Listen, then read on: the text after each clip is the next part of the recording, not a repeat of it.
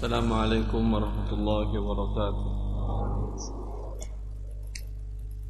الحمد لله رب العالمين وبه نستعين ونصلي ونسلم ونبارك على نبينا محمد وعلى آله وصحبه ومن اهتدى بهديه واستنى بسنته إلى يوم الدين. وبعد. إخواني وأخواتي في الله إن شاء الله kita akan melanjutkan pembahasan dari buku Harta Haram Amal Kontemporer dan kita masuk pada pembahasan tentang aplikasi dari sebuah akad gharar. Para ulama fuqaha kita selalu menjelaskan antaranya ulama muasir Syekh Muhammad sallallahu alaihi wasallam rahimahullah taala wa rahimallahu jami'a ulama muslimin selalu beliau menyatakan bila ditanya tentang kasus muamalat yang baru yang tidak ada contohnya dalam fikih sebelumnya beliau selalu menyatakan malam yakun fihi riba wala gharar wala darar fal aslu fi dhalika al jawaz selagi akad ini tidak mengandung unsur riba dan tidak mengandung unsur gharar dan tidak ada unsur kesaliman dan mudaratan kepada pihak yang lain, maka hukum asalnya boleh. Maka yang penting kita pelajari tiga hal ini. Dan kalau tidak salah sudah pernah kita bahas tentang Sudah. Sudah insyaallah taala. Kalaupun tidak dalam buku sudah ada, tinggal untuk baca. Nah, sekarang yang paling penting kita bahas adalah aplikasi-aplikasinya mana saja termasuk gharar dan bagaimana Islam menanggapi hukum hal tersebut. Fadal antum baca ya akhi, nanti anda berikan ta'liqat atau penjelasan. Bismillahirrahmanirrahim. Alhamdulillah wassalatu wassalamu ala Rasulillah wa nabi ala Rasulillah ba'da. Kata penulis semoga Allah Subhanahu wa taala menjaganya jual beli barang dan jasa melalui telepon, internet dan aplikasi. Ya, ini aplikasi tambahan terakhir. Sebelumnya hanya telepon internet, kemudian sekarang muncul mulai aplikasi kan ya. Anda tinggal duduk di rumah, datang ke rumah barang Anda. Terus. Kemajuan di bidang teknologi informatika juga merambat kepada kemajuan di bidang perdagangan. Dahulu sebuah transaksi niaga hanya dapat dilakukan dengan cara kedua belah pihak hadir dalam satu majelis. Namun dengan adanya telepon dan internet, maka jarak yang jauh antara dua pihak yang bertransaksi bukan lagi menjadi penghalang untuk melangsungkannya. Berbagai jenis transaksi dapat dilakukan melalui media telepon dan internet, seperti jual beli barang dan jasa, penukaran mata uang, penarikan uang tunai, pengiriman uang, dan lain sebagainya. Khususnya transaksi perbankan, kemajuan teknologi informatika sangat dirasakan manfaatnya. Iya, baik. Dahulu namanya dagang ijab dan kabulnya langsung berhadapan. Maka dalam jarak yang berjauhan mungkin atau tidak melakukan ijab dan kabul tidak kecuali melalui surat dan itu jaraknya lama dan tidak tunai. Tetapi kemudian manusia masya Allah dimudahkan oleh Allah untuk menemukan hal-hal yang baru di bidang informatika jarak yang jauh berasa dekat bisa dahulu hanya melihat suara saja melalui telepon sekarang bahkan gambar pun bisa terlihat dari jarak yang jauh. Bahkan dengan WA jarak jauhan antar benua pun bisa dilakukan komunikasi dengan baik dan gratis lagi. Baik selain itu gratis subhanallah.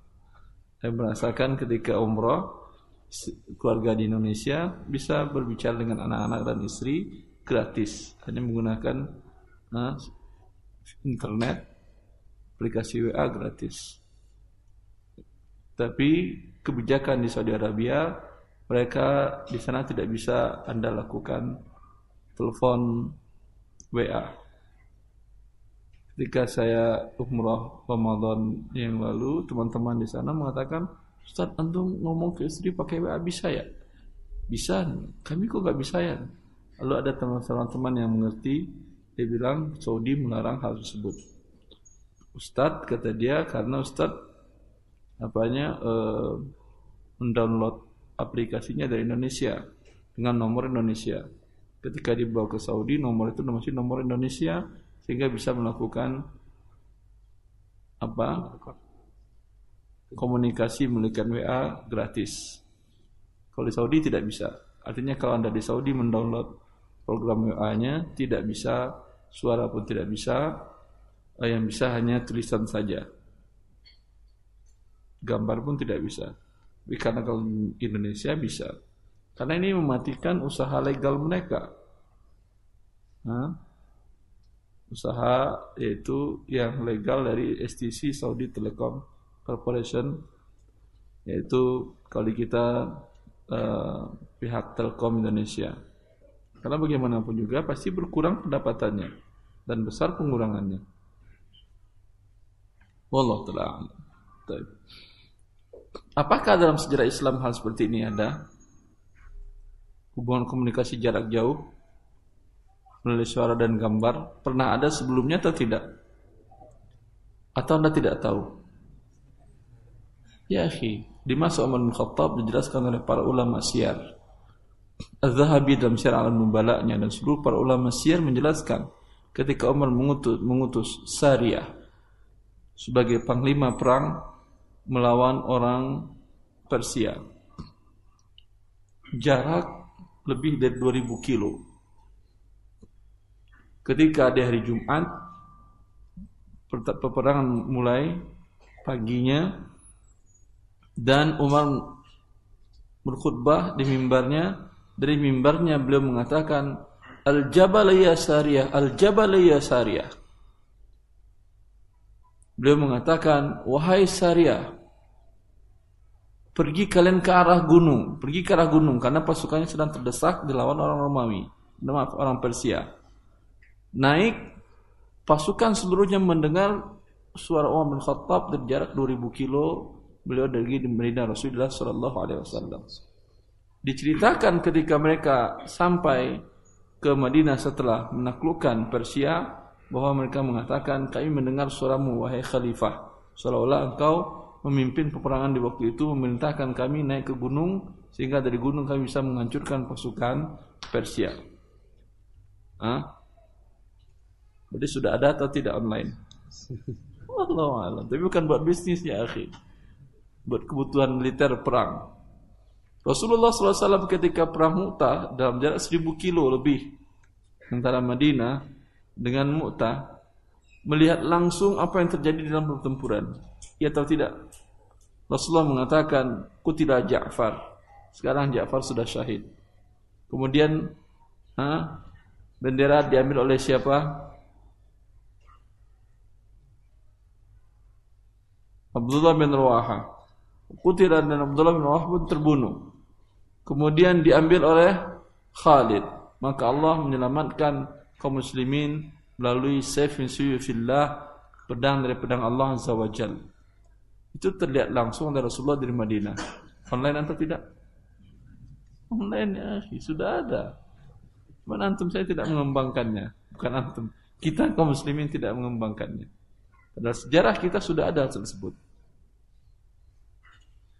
Walhasil ketika ditemukan hal tersebut mempermudah manusia untuk melakukan transaksi apakah dan bagaimana Islam menanggapinya apakah ini halal atau tidak. Mari kita uh, bahas bersama. Fadal Syekh Taqra. Namun bagaimana syariat mensikapinya? Para ulama sepakat bahwa transaksi yang disyaratkan tunai serah terima barang dan uang tidak dibenarkan untuk dilakukan melalui telepon dan internet seperti jual beli emas dan perak. Maka tidak sah membeli emas dan atau perak melalui internet dengan cara uang ditransfer ke rekening milik penjual Kemudian emas diterima pembeli beberapa waktu setelah uang ditransfer. Karena ini karena ini termasuk riba nasiah yang nanti akan dijelaskan dalam pembahasan riba bayar. Kecuali objek Sebentar, yang ya. ada dalam syariat Islam jenis barang atau mabi' atau objek barang yang disyaratkan harus serah terimanya tunai Ya, ada berapa jenis komoditi? Tiga kurang. Hah? Enam betul, masya Allah. Pertama, emas, perak, Gandum. garam, gandum, gas. Kok beras beras gak ada di masa Rasulullah ya akhi. Beras ada di Saudi sekarang, masa Rasulullah tidak ada beras Saudi. Korma,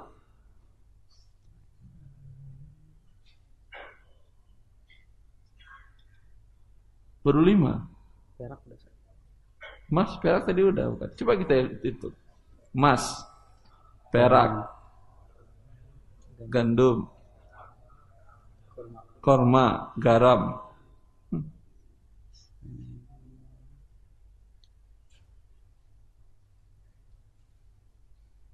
Hah?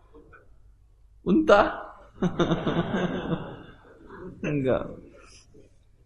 Unta nasnya ada Rasulullah beli satu ekor unta, kemudian besok diganti dengan dua ekor pak. Setelah berapa waktu? Ini berarti boleh nggak tunai? Nah, buah apa? Uang. Tadi kan udah emas, emas perak di masa Rasulullah itu uang dia.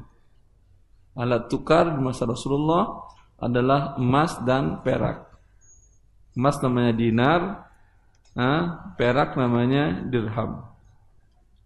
Ah, apalagi siapa bisa?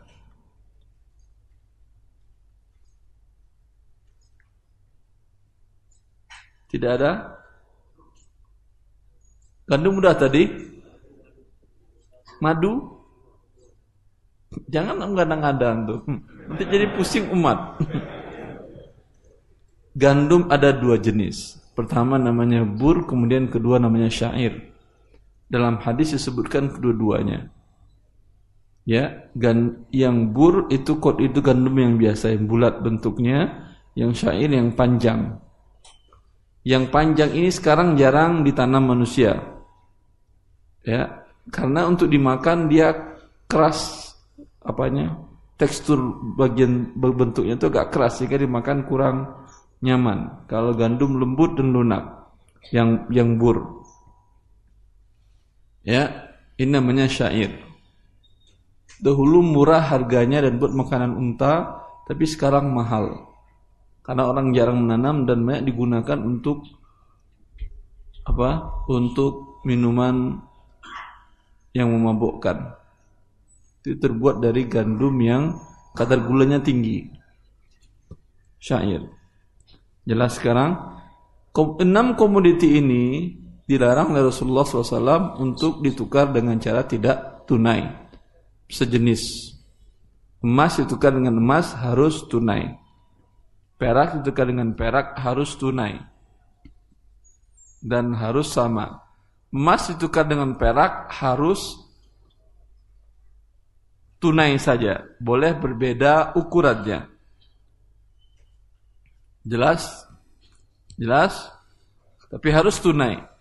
Sekarang bila emas dan perak ditukar dengan rupiah, persyaratannya hanya satu yaitu harus tunai. Melalui internet, melalui online, sekarang ada kan jual emas melalui online, via online, ada kan ya? Ya. Ada beberapa marketplace yang menjual emas. Tunai atau tidak itu? Tidak. Anda kirimkan uang, ada jeda waktu baru sampai ke rumah. Karena ini maksud dengan tunai itu ya dan biadin. Tangan yang satu menyerahkan rupiah, tangan yang satu nerima emas. Tangan yang satu Anda kirimkan uang, kapan tangan satu lagi terima emas? Mungkin jeda waktu lima hari, atau maaf, mungkin jeda waktu 10 menit, 30 menit, tetap namanya tidak tunai, dan terjadi riba nasiah. Jelas? Maka mungkin atau tidak beli emas dengan cara online? Secara syar'i? Kecuali ada di beberapa negara. Tapi Allah Ta'ala saya belum menyaksikannya, tapi berdasarkan informasi ada. Di Malaysia ada, di Dubai ada ATM yang keluar uang emas. Pernah Anda dengar atau pernah pernah lihat di TV atau langsung? Yang langsung ada yang langsung? Ada. Anda gesek keluar emas. Siapa yang pernah melakukannya? Enggak ada. Kalau seperti itu, ini tunai dan boleh. Ya.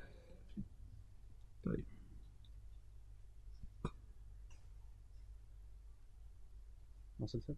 Fadal, Syekh.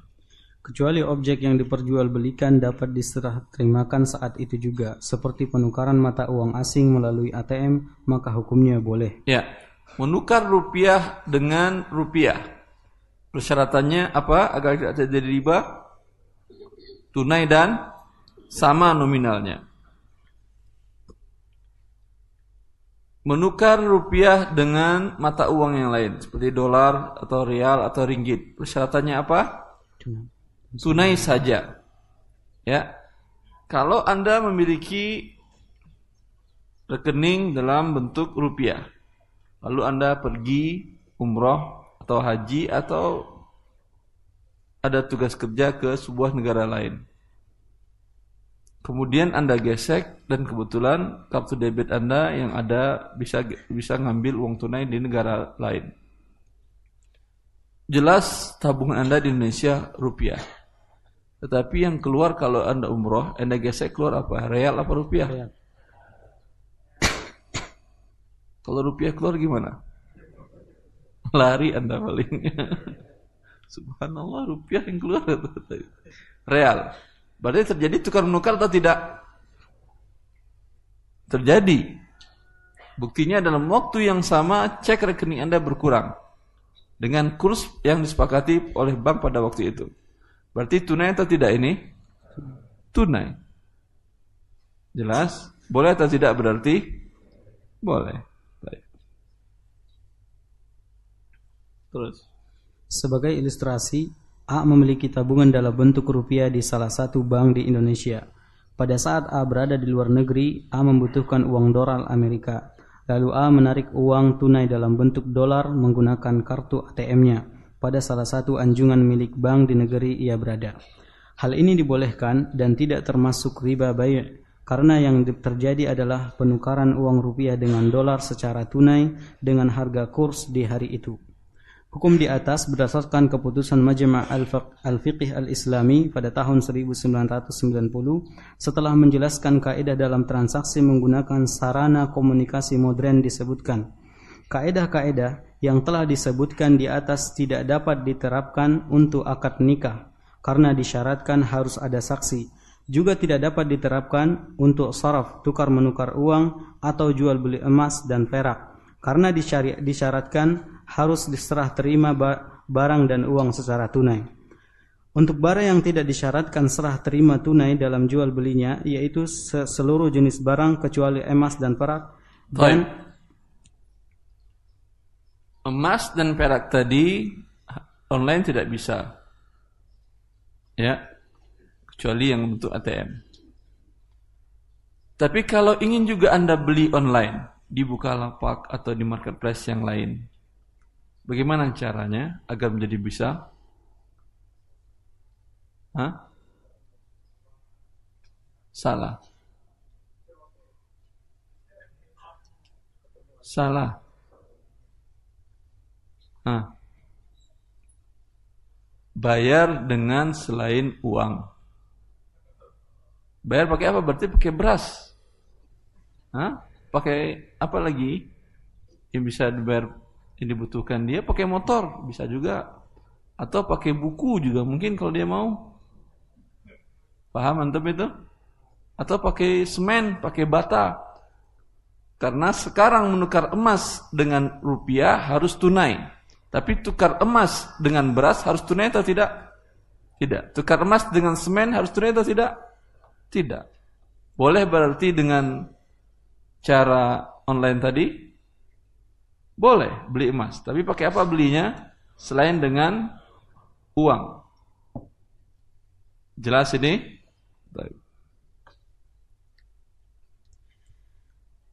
Terus. Untuk barang yang tidak disyaratkan serah terima tunai dalam jual belinya, yaitu seluruh jenis barang kecuali emas dan perak dan mata uang, maka jual beli melalui internet dapat ditakrid dengan jual beli melalui surat menyurat. Adapun jual belinya, adapun jual beli melalui telepon merupakan jual beli langsung dalam akad ijab dan kabul.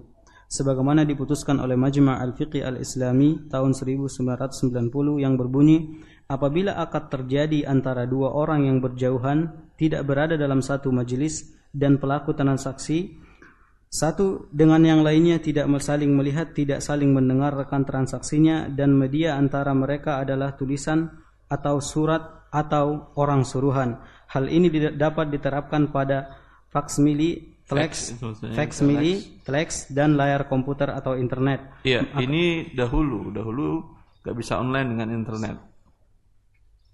Ya, dia taruh barang, kemudian nanti ada orang boleh beli, tidak bisa langsung menggunakan program messenger. Tapi kalau langsung seperti menggunakan program messenger sama dengan telepon namanya.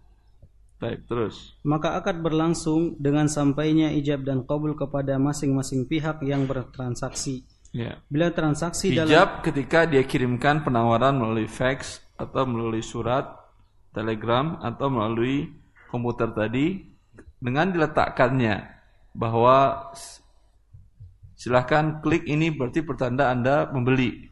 Ya, ijab namanya.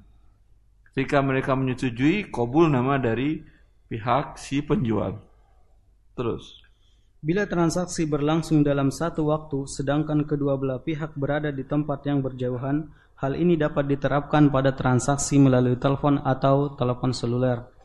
Maka ijab dan kabul yang terjadi adalah langsung seolah-olah keduanya berada dalam satu tempat. Dalam transaksi menggunakan internet, Penyediaan aplikasi permohonan barang oleh pihak penjual di situs merupakan ijab dan pengisian serta pengiriman aplikasi yang telah diisi oleh pembeli merupakan kabul. Adapun barang hanya adapun barang hanya dapat dilihat gambarnya serta dijelaskan sebagai Jelas ini Mas Rajab kabul dalam online gak ada masalah. Jelas? Hukum syari'inya jelas sah, boleh. Tapi sekarang masalahnya adalah barang. Terus dengan penjelasan yang dapat mempengaruhi harga jual barang.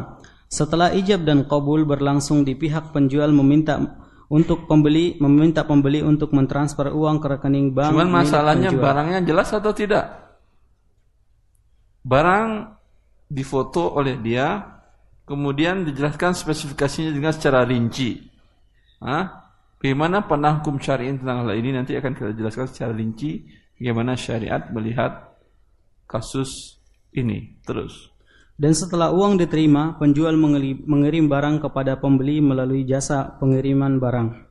Karena fisik barang yang diperjualbelikan tidak dapat disaksikan langsung, hanya sebatas gambar dan penjelasan spesifikasinya, maka jual beli ini dapat ditakhrij dengan bay al-ghaib ala as-sifat. Jual beli barang yang di yang tidak hadir pada majelis akad atau tidak disaksikan langsung sekalipun hadir dalam majelis seperti beli barang dalam kardus atau kotak yang hanya dijelaskan spesifikasinya melalui kata-kata. Ya.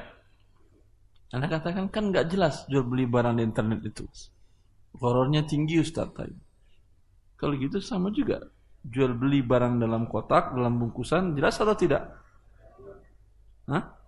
Nggak jelas. Goror juga kalau begitu. Hah? Indomie apalagi? Indomie jelas isinya? Hah? Tidak. Gak jelas isinya bagi Anda. Tapi spesifikasi kan jelas. Apa namanya? Komposisinya terbuat dari apa? Bahkan kadang ada fotonya. Ya. Hanya gambarnya saja. Terus. Pemilik situs belanja di internet bermacam-macam. Ada yang memang menjual barang yang telah dimilikinya dan ada yang tidak memiliki barang yang, di, yang, yang ditampilkan di situsnya. Ia hanya sebatas makelar.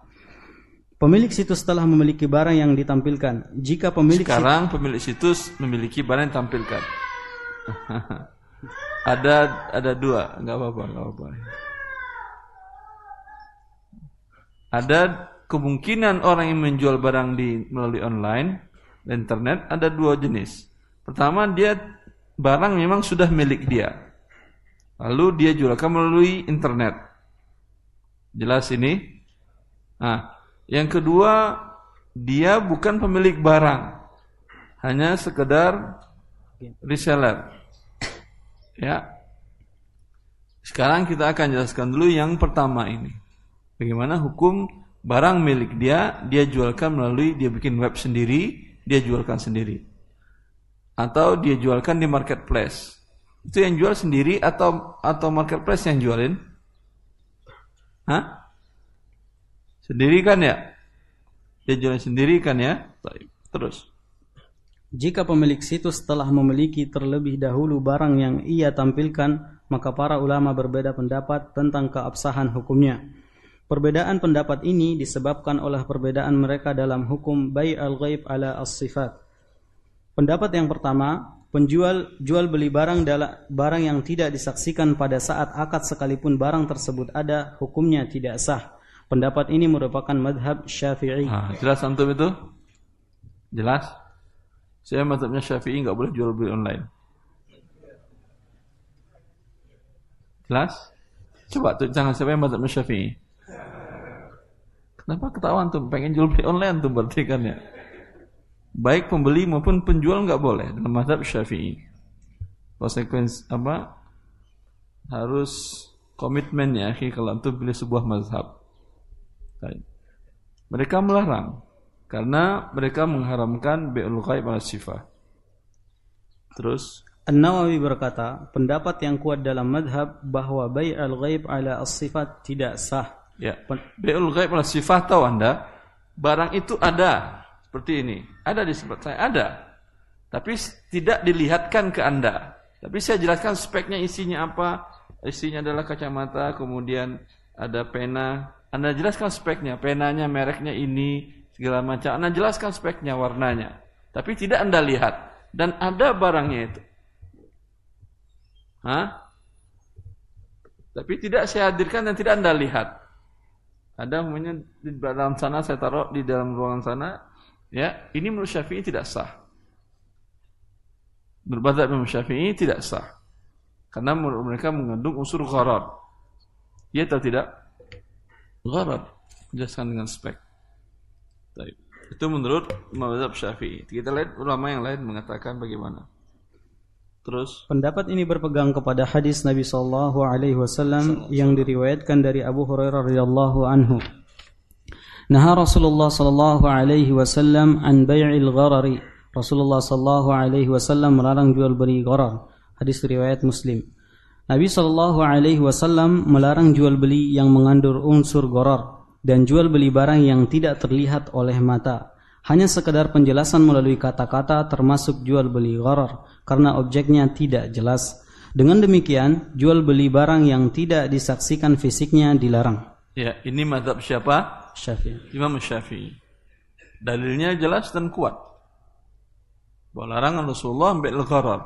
Tapi menafsirkan gharar ini mereka menganggap itu adalah seperti itu gharar.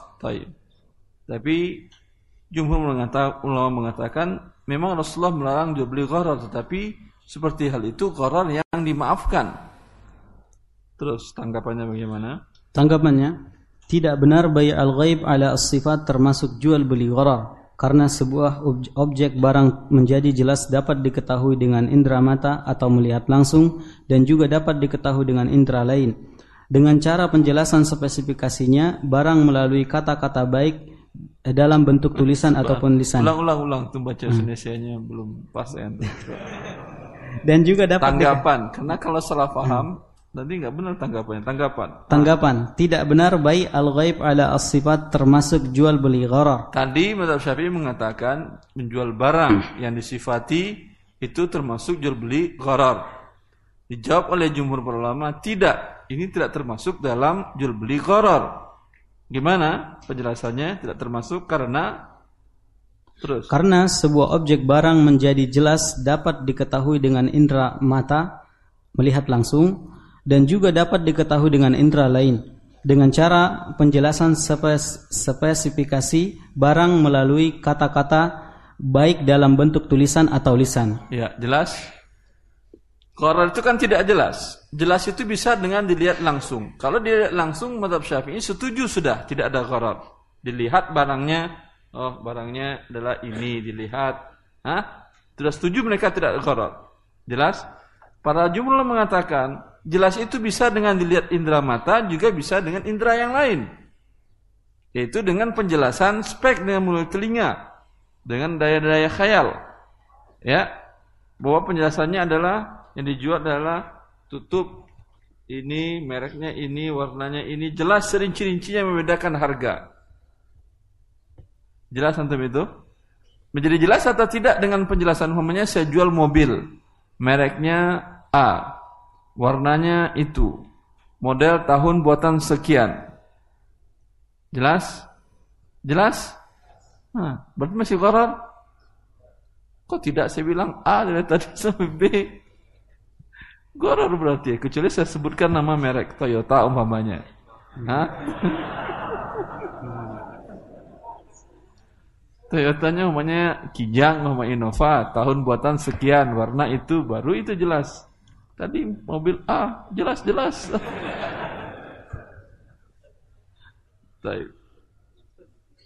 Kalau Syafi'i mengatakan walaupun dijelaskan spek kata dia, tidak, masih gharar kata beliau. Tergantung spek cara penjelasannya bagaimana. Baik, terus. Dan syariat menghukumi sama antara mengetahui sesuatu hal dengan cara melihat langsung ataupun dengan sekadar uraian kata-kata. Hmm. Allah berfirman, dalam syariat dalam banyak kasus dalam syariat Islam, uraian penjelasan suatu barang, suatu kasus dengan kata-kata disamakan dengan melihat langsung. Firman Allah apa? falamma ja'ahum ma 'arafu kafaru bih maka setelah datang kepada mereka apa yang telah mereka ketahui mereka lalu ingkar kepadanya. Dalam ayat di atas Allah menghukumi kafir orang Yahudi atas keingkaran mereka terhadap Nabi Muhammad sallallahu alaihi wasallam. Padahal mereka mengetahui Nabi Muhammad hanya melalui penjelasan Taurat dan tidak dengan cara menyaksikan langsung. Dan Allah menghukumi sama antara pengetahuan dengan uraian dengan penyaksian menyaksikan langsung. Jelas ini tentang kasus Yahudi dianggap kafir oleh Allah walaupun mereka belum pernah melihat Rasulullah SAW. Disamakan oleh Allah keingkaran mereka ketika belum melihat Rasulullah SAW dengan ketika mereka melihat langsung sama-sama kafir. Ah, berarti ini sama hukumnya. Terus dalam kasus yang lain. Begitu juga Nabi sallallahu alaihi wasallam bersabda, "La tubashirul mar'atul mar'ata fatan'ataha li zawjiha ka'annahu yanzuru ilaiha." Janganlah seorang wanita bergaul dengan wanita lain kemudian ia mensifati menjelaskan ciri-ciri tubuh wanita tersebut kepada suaminya seolah-olah suaminya melihat langsung wanita yang disifati. Hadis Bukhari. Jelas ini? Disamakan oleh Rasulullah seorang istri yang mensifati bentuk tubuh temannya kepada suaminya seolah-olah kata Rasulullah suaminya melihat temannya tadi. Sehingga subhanallah lupa. Sehingga suaminya ingin dengan teman tadi. Kesalahan-kesalahan siapa ini? Istri. Ya udah kesalahan istri berarti. Jelas anda? Disamakan dari Rasulullah antara melihat langsung dengan penjelasan spek. Paham untuk itu? Baik. Hadis ini sangat tegas menyatakan sama antara penjelasan Allah para ulama kita ya berbicara masalah spek online tapi hadisnya tentang wanita kepada suaminya. Ada hubungan dengan online? Subhanallah. Terus melalui kata-kata dengan melihat langsung. Dengan demikian, maka penjelasan spesifikasi barang melalui kata-kata sama dengan melihat langsung, sehingga tidak ada unsur goror dalam jual beli ini. Pendapat kedua. Ya, tadi ini membantah pendapat pertama yang mengatakan bi'ul ghaib ala sifat tidak boleh. Barangnya ada, milik dia sudah. Tapi dia tidak tunjukkan langsung hanya dengan spek saja, penjelaskan dengan kata-kata saja. Ya, tadi menurut pendapat pertama tidak sah, tapi sudah disanggah oleh jumhur para ulama. Sekarang pendapat kedua bagaimana? Terus. Pendapat kedua, bai' al-ghaib ala as-sifat hukumnya sah. Pendapat ini merupakan madhab mayoritas para ulama madhab Hanafi, Maliki, dan Hambali. Ya. Dalil pendapat ini adalah nas-nas yang menjelaskan bahwa jual beli pada dasarnya adalah halal. Allah berfirman, "Wa ahallallahu al-bai'a." Allah telah menghalalkan jual beli. Bai al-ghaib ala as-sifat termasuk jual beli dan hukum asal jual beli adalah halal. Dengan demikian bai al-ghaib ala as-sifat hukumnya halal. Ya. Dan tidak ada hal-hal yang menyebabkan jual beli ini menjadi haram, maka hukumnya tetap pada asalnya yaitu halal. Ya. Allahu a'lam, pendapat yang menghalalkan jual beli bai' alal ghaib ala sifat lebih kuat karena memang tidak ada hal yang mengubah hukumnya dari halal menjadi haram. Tetapi perlu diingat bahwa penjelasan spesifikasi mesti harus jelas. Bila tidak jelas, seperti seorang menjual penjual mengatakan kepada pembeli, "Saya jual baju yang ada di dalam kotak ini dengan harga sekian," tanpa ada penjelasan tentang warna, ukuran, model, jenis dan lain-lain yang mempengaruhi harga barang maka hukumnya haram karena termasuk jual beli gharar. Setelah mengetahui bahwa bai' al-ghaib ala as-sifat dibolehkan syariat, maka hukum menjual barang yang telah dimiliki oleh pemilik sebelum ditawarkan di situs miliknya, hukumnya juga dibolehkan. Paham ini? Ini kasus yang pertama di mana pemilik barang penjual di situs sudah memiliki barang sebelum dia tawarkan di situsnya. Ya. Terus. Pemilik situs merupakan wakil atau agen dari pemilik barang. Ya, yang kedua adalah si penjual di situs ini tidak memiliki barang. Tapi si yang punya barang bilang ke dia, karena situsnya terkenal, dia bilang, tolong dong jualin barang saya di situs kamu, di web kamu. Jelas ini diwakilkan pada dia untuk menjualkan barang miliknya. Ya. Bila pemilik situs menawarkan barang orang lain yang sebelumnya ia telah membuat kesepakatan dengan pemilik barang agar dia diberi kepercayaan untuk menjualkan barang tersebut untuk untuk menjualkan barang tersebut atas nama pemilik barang dan mendapatkan komisi dari setiap barang yang dijualnya, maka statusnya dalam pandangan syariat adalah sebagai wakil dan wakil dalam status dan hukumnya dengan pemilik barang dalam bentuk ini disyaratkan bahwa barang tersebut barang telah dimiliki sebelumnya oleh pemilik barang sebelum dijual dijual oleh agen. Paham ini? Tadi kan saya mengatakan kepada dia, kamu situs kamu banyak pengunjungnya, tolong dong jualkan barang saya di sana. Terus gimana nanti pembayaran buat saya? Berapa yang terjual buat kamu sekian persen? Hah? Boleh nggak dia menjualkan ini sekarang di web itu? Boleh dengan syarat barang memang ada di tangan saya. Kalau saya pun belum ada barangnya, boleh nggak dijualkan? Ya juga nggak boleh. Paham anda itu? Berdasarkan hadis yang diriwayatkan oleh Jabir bin Abdullah radhiyallahu anhu, ia berkata, Aku hendak pergi menuju Khaybar. Lalu aku mendatangi Rasulullah sallallahu alaihi wasallam. Aku mengucapkan salam kepada beliau. Aku berkata, aku ingin pergi ke Khaybar. Maka Nabi sallallahu alaihi wasallam bersabda, "Idza ataita wakili fakhudh minhu khamsata asyara wastan fa in ibtagha minka ayatan fadha' yadaka ala tarquwatihi." Bila engkau mendatangi wakilku di Khaybar, ambillah darinya 15 wasak kurma. Bila dia meminta bukti bahwa engkau adalah wakilku, maka letakkanlah tanganmu di atas tulang bawah lehernya. Hadis riwayat Abu Daud. Hadis ini sangat jelas menyatakan bahwa wakil hukumnya sama dengan pemilik barang. Ya, sebagaimana pemilik barang dalam kasus pertama tadi boleh menjualkan melalui situsnya, ya, ini berdasarkan pendapat jumhur ya, kecuali Syafi'iyah. Demikian juga wakil atau agen yang sudah diwakilkan kepada dia untuk menjualkan barang boleh dia menjualkan di situsnya bila barang sudah dimiliki oleh yang mewakilkan. Terus. Pemilik situs belum memiliki barang yang ditampilkan dan juga bukan sebagai agen. Dan ini yang paling banyak.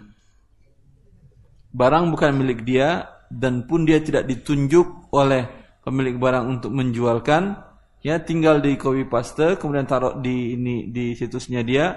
Ketika ada orang membeli, dia langsung membeli dulu kemudian baru dikirim uangnya. Ini kan enak bisnisnya, tanpa modal kan ya? Hanya modal internet saja. Hah? Baik. Ini yang paling banyak. Bagaimana hukumnya seperti ini? Para ulama sepakat bahwa tidak sah hukum jual beli jika pemilik situs tidak memiliki barang yang ia tampilkan pada situsnya. Sepakat ulama tidak boleh. Jelas? Baik, terus. Biasanya proses ini berlangsung sebagai berikut. Pada saat pembeli telah mengirim, mengirim aplikasi permohonan barang, pemilik situs hanya menghubungi pemilik barang yang sesungguhnya tanpa. Sepertinya itu mesin esainya perlu belajar lagi ya. Itu nggak bisa paham mereka.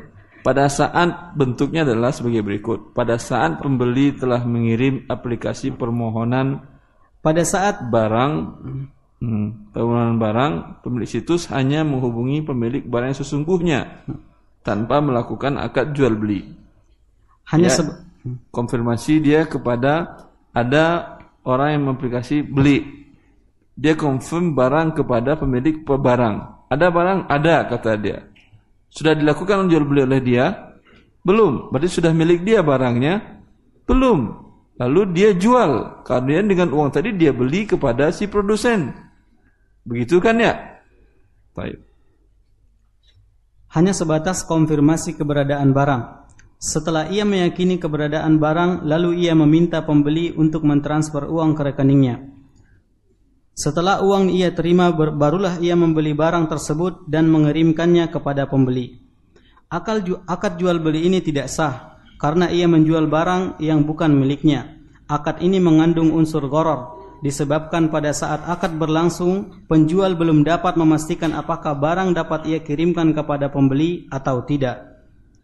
Hal ini berdasarkan sabda Nabi Muhammad Nabi sallallahu alaihi wasallam yang diriwayatkan oleh Hakim bin Hizam radhiyallahu anhu. Ia berkata Qala ya Rasulullah ya'tini ar-rajulu fayuridu minni al-bay'a laysa 'indi fa afa abta'uhu lahu min min as-suqi? Faqala la tabi' ma laysa 'indak.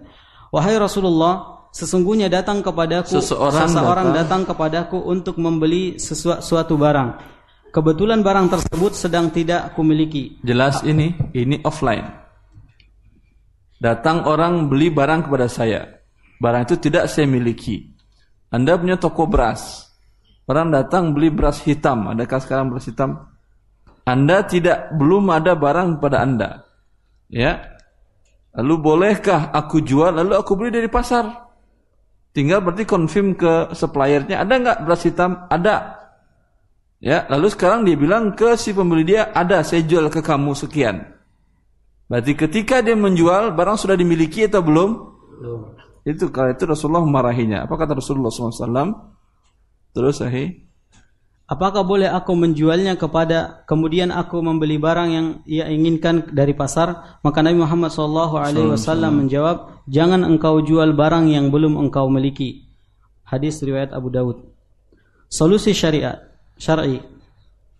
Agar jual beli ini menjadi sah, pemilik situs dapat melakukan langkah-langkah berikut.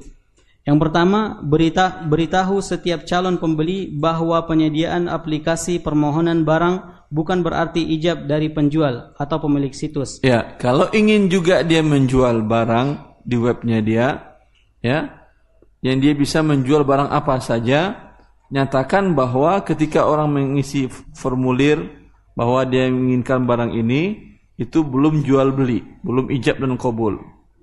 Ya, baru minta pesan. Belum ada konsekuensi. Belum boleh kirim uang. Karena kalau sudah kirim uang, atas dasar apa kirim uang? Ya, kalau uang berarti beli sudah ada akad. Kemudian baru dia pergi beli. Paham? Setelah dia beli dan terima barangnya, baru dia konfirmasi kembali kepada calon pembeli. Butuh waktu atau tidak? Tentu pembeli cari yang lain kan ya. Ini silahkan, berarti bukan rezeki dia. Apa boleh buat? Kalau ingin yang halal. Baik. Setelah calon pembeli mengisi aplikasi dan mengirimkannya, pemilik pemilik situs tidak boleh menerima langsung akad jual beli.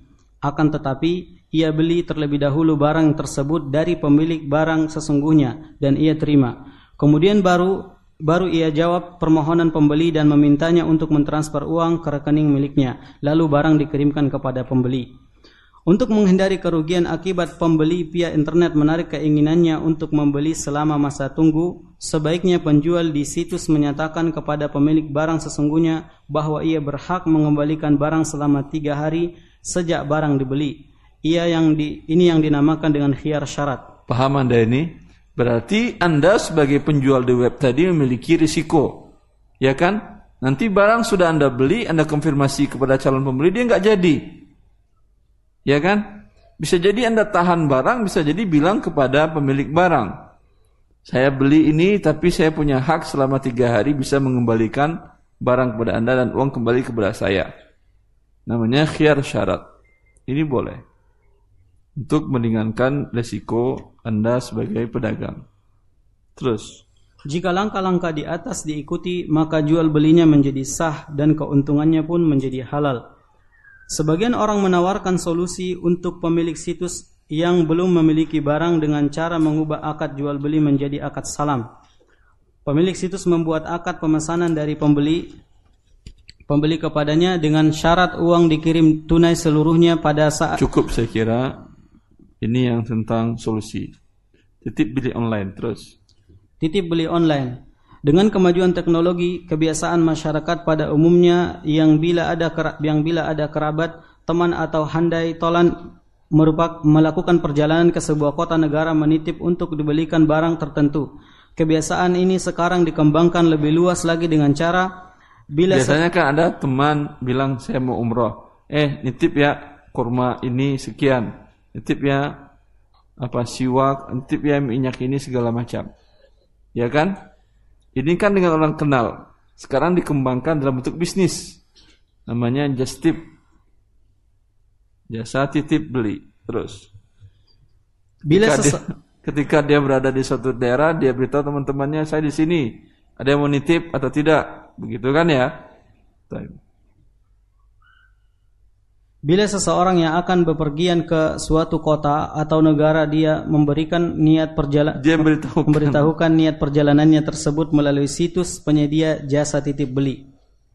Maka para pengunjung situs yang menginginkan suatu barang dari kota atau negara yang ia akan kunjungi menuliskan spesifik, spesifikasi barang yang dia inginkan dan meminta untuk dibelikan barang tersebut. Uangnya bisa ditransfer Uangnya bisa ditransfer di awal pada saat mengajukan pemesanan atau setelah barang diterima. Betul begitu? Uang bisa di depan atau nanti setelah terima baru barang di baru uang dikirim. Iya atau tidak? Terus. Keuntungan bagi penitip, dia dapat men, dia mendapatkan barang yang diinginkan tanpa harus mengeluarkan biaya dan tenaga yang besar untuk sengaja melakukan perjalanan ke kota atau negara yang dituju. Dan keuntungan lain lainnya harga barang yang didapatkan dengan cara titip beli ini lebih rendah dibandingkan harga barang yang sama yang dijual di kota penitipan penitip berada. Belum lagi keaslian barangnya yang lebih terjamin. Paham ini maksudnya? Dua-duanya dapat keuntungan. Penitip dapat keuntungan biaya lebih murah pasti.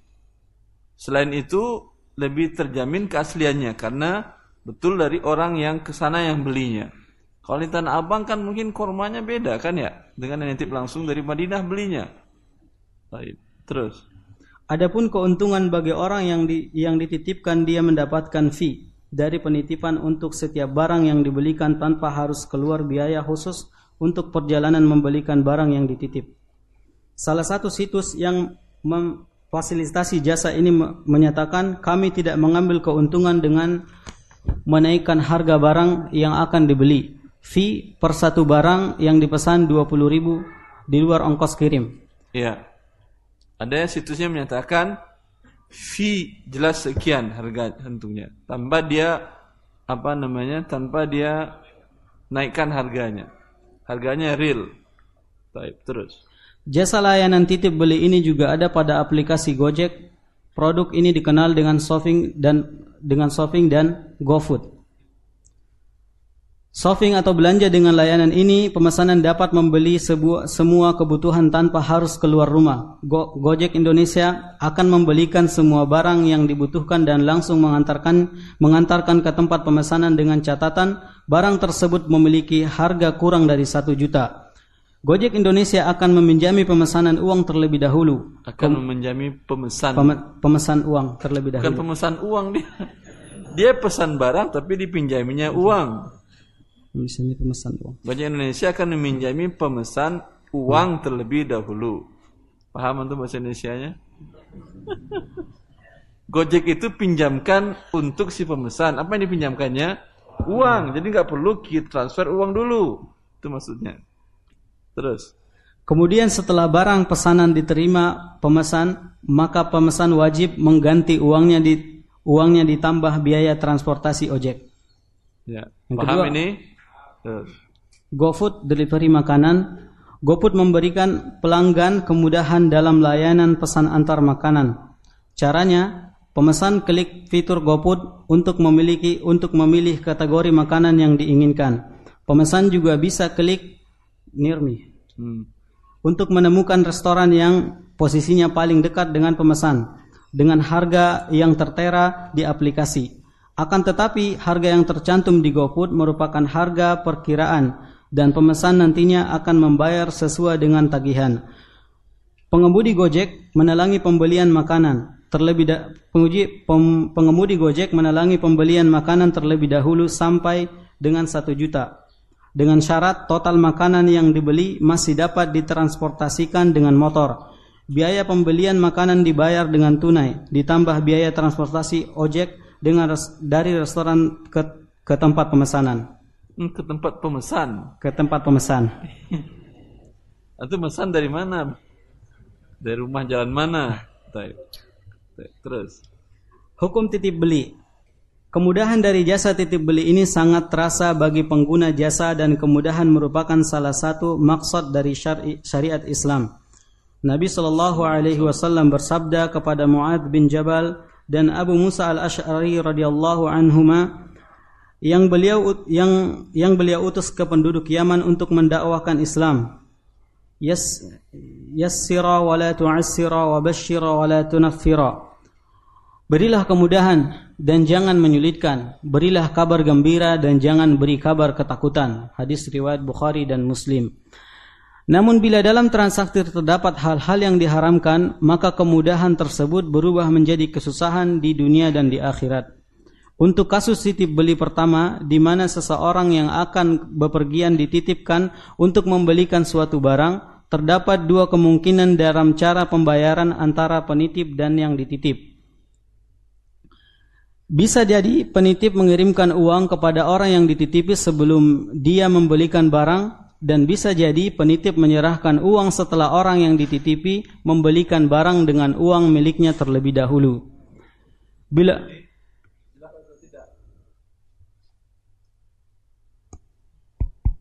Jelas? Bisa jadi sebelum dia berangkat membeli dia bilang saya kirim uang dulu. Jangan beli dulu, pakai uang saya belinya, jangan pakai uang kamu. Jelas? Bisa jadi dia bilang ya udah pakai uang kamu dulu beli nanti baru saya bayar. Terus. Bila uang yang digunakan oleh orang yang dititipi untuk membeli barang adalah uang penitip yang dikirim ke rekening orang yang dititipi sebelum dia membelikan memberikan membelikan barang maka dari tinjauan fikih muamalah akad ini adalah wakalah bil ujrah mewakilkan untuk membelikan barang dengan imbalan fee. Jelas? Ya, tolong belikan, ini uangnya, tolong belikan. Nanti saya kasih Anda fee. Ini boleh? Boleh, wakalah dulu ujurah, nggak ada masalah. Terus. Maka 20 ribu adalah ujurah atau imbalan atas jasanya membelikan barang. Hukum akad wakalah bil ujurah berdasar boleh berdasarkan dalil-dalil berikut. Firman Allah Taala mengisahkan tentang ashabul kahfi yang tertidur dalam suatu dalam suatu gua selama 300 tahun lebih 300, 300 tahun lebih Lalu pada saat terbangun mereka mewakilkan kepada salah seorang di antara mereka untuk pergi ke kota membelikan makanan. Ya. Fab'athu ahadakum biwariqikum hadhihi ila al-Madinah falyanzur ayyuha azka ta'aman falyatikum falyatikum birizqin minhu. Maka suruhlah salah seorang di antara kamu untuk pergi ke kota dengan membawa uang perakmu, perakmu ini dan hendaklah dia melihat makanan manakah makanan yang lebih baik maka hendaklah ia membawa makanan itu untukmu dan hendaklah ia berlaku lemah lembut. Ayat ini menjelaskan bahwa mereka ashabul kahfi yang berjumlah tujuh orang mewakilkan kepada salah seorang di antara mereka untuk membelikan membeli makanan dari kota. Hal ini menunjukkan hal ini menunjukkan bolehnya mewakilkan kepada orang lain untuk membelikan makanan. Bila hukum akad wakalah ini diboleh, maka dibolehkan juga mengambil upah dari transaksi tersebut sebagai imbalan atas jasa yang halal dari orang yang menerima perwakilan. Diriwayatkan oleh Abu Bukhari bahwa Rasulullah sallallahu alaihi wasallam memberikan uang satu dinar kepada Urwah radhiyallahu anhu agar ia memberikan seekor kambing untuk Nabi sallallahu alaihi wasallam. Maka ia mendatangi para pedagang yang membawa kambing untuk dijual untuk dijual di pasar. Ia menawarkannya dan mendapatkan dua ekor kambing dengan uang satu dinar. Dalam perjalanan menuju dalam perjalanan perjalanan menuju Rasulullah sallallahu alaihi wasallam ada seseorang yang menawar yang menawar seorang seekor kambing yang dibawa Urwah seharga satu dinar. Maka ia pun, maka ia pun menjualnya. Sesampainya di hadapan Nabi sallallahu alaihi wasallam Urwah memberikan memberikan kepada Nabi sallallahu alaihi wasallam satu dinar ditambah seekor kambing. Subhanallah jujur ya sahabat ya kalau andai-andai disuruh Nabi apa yang dia lakukan Kan Nabi pengen cuma satu kambing, satu dinar. Satu dinar lagi ke mana? Kantong, subhanallah. Ketahuan anda dari sekarang. Maka jangan hidup di masa sahabat ya, akhi. Nah, khawatir anda tidak menjadi amanah. Taib, terus. Dalam hadis ini memang tidak dijelaskan tentang upah untuk yang untuk yang dititipi karena yang dititipi yaitu Urwah melakukannya sukarela tanpa imbalan. Jika dia meminta imbalan di di awal hukumnya boleh. Ini ini hukum titip membeli titip beli yang uangnya diterima oleh orang yang dititipi sebelum dia membelikan barang. Adapun jika yang dititipi membelikan barang terlebih dahulu menggunakan uangnya dengan syarat nantinya akan diganti oleh penitip, maka akadnya adalah qard. Di mana pihak yang dititipi meminjamkan uang kepada penitip untuk dibelikan untuk dibelikan barang titipan. Jelas ini. Bentuk yang kedua pakai uang si pembeli dulu. Ini sering dalam kehidupan sehari-hari juga sering banyak. Ada teman tetangga mau ke pasar, mau ke sana dulu, tolong beliin pakai uang kamu dulu ya. Itu apa artinya? Anda minjam uang ke dia. Ya, qard. Tidak boleh si pemberi pinjaman mendapatkan manfaat. Teman yang belikan tadi tidak boleh mendapatkan keuntungan dari pinjaman tadi. Karena menjadi riba dia. Terus. Pada dasarnya, hukum akad qard adalah mubah, boleh selagi tidak ada riba pertambahan untuk pemberi pinjaman atau utang. Berdasarkan sabda Rasulullah sallallahu alaihi wasallam, "Ma min muslimin yuqridu musliman qardan marrataini illa kana kasadaqati kasadaqati marratin."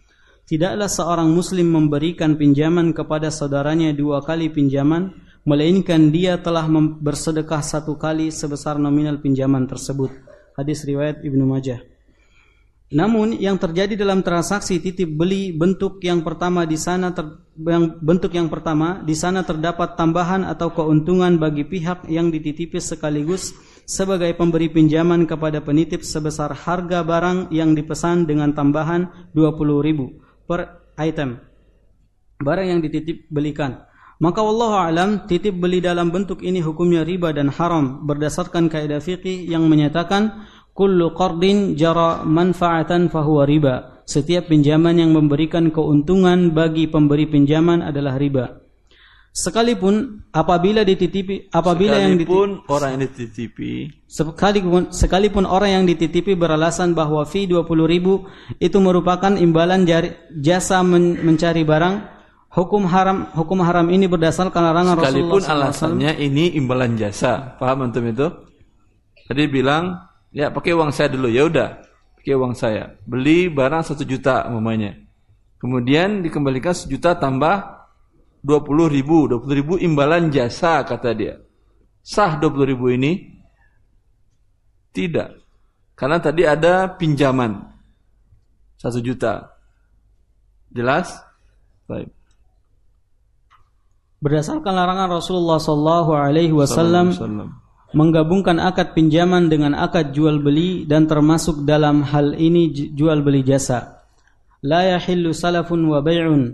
Tidak halal meng, tidak halal menggabungkan antara akad pinjaman dan jual beli. Tadi kan dia gabungkannya, dipinjamkannya uang 1 juta, kemudian ada uang jasa 20 ribu.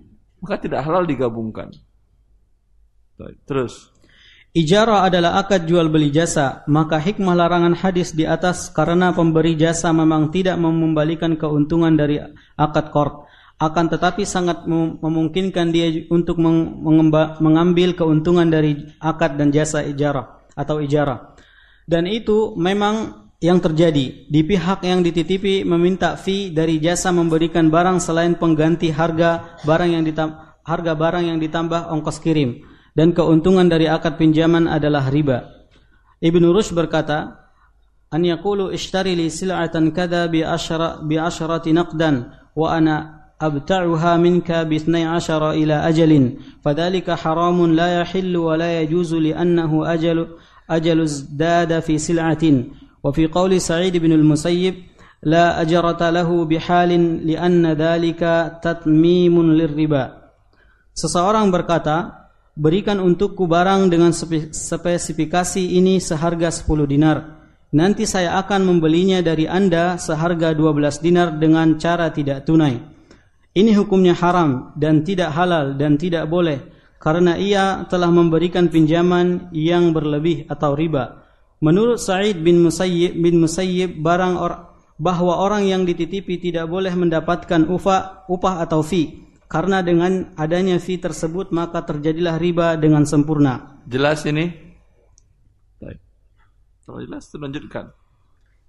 Ini dikategorikan riba karena bentuk akadnya bukanlah jual beli antara penjual kedua dengan pembeli kedua, melainkan pembeli kedua mewakilkan kepada penjual kedua untuk membelikan barang seharga 10 dinar dengan meminjamkan uang kepada penjual kedua terlebih dahulu.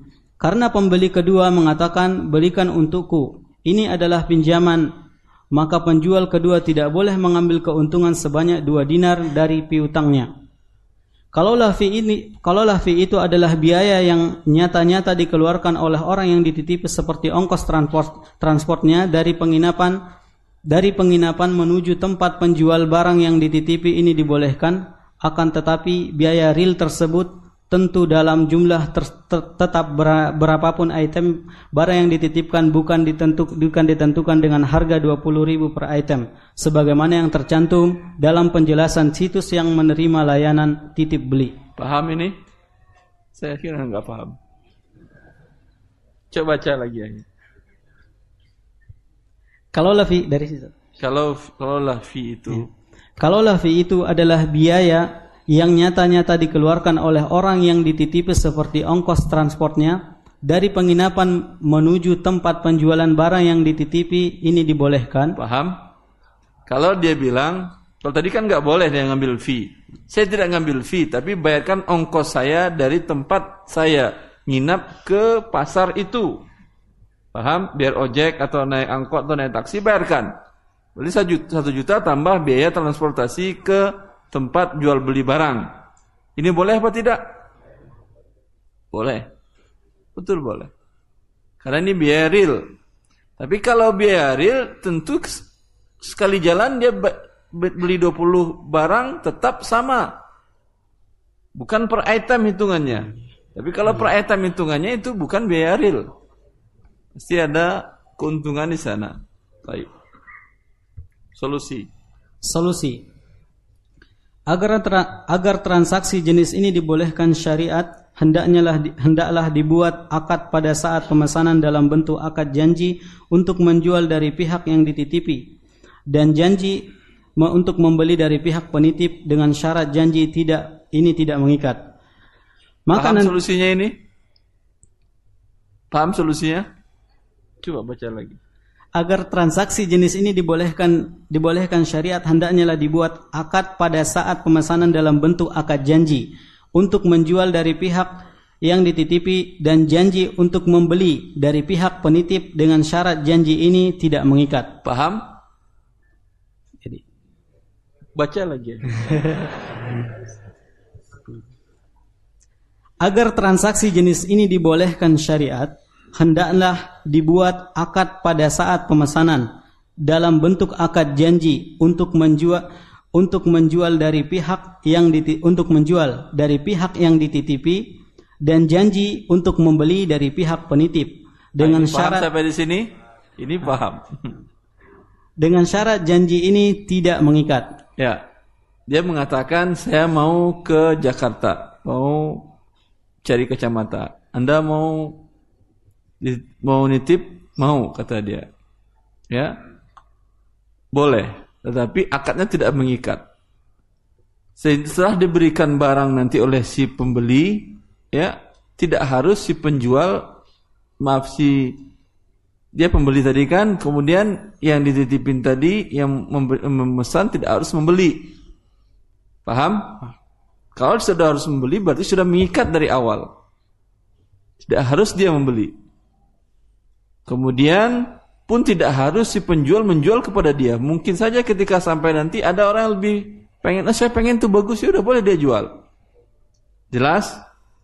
Ini boleh. Berarti akadnya adalah janji untuk membeli dan janji untuk menjual dan tidak mengikat.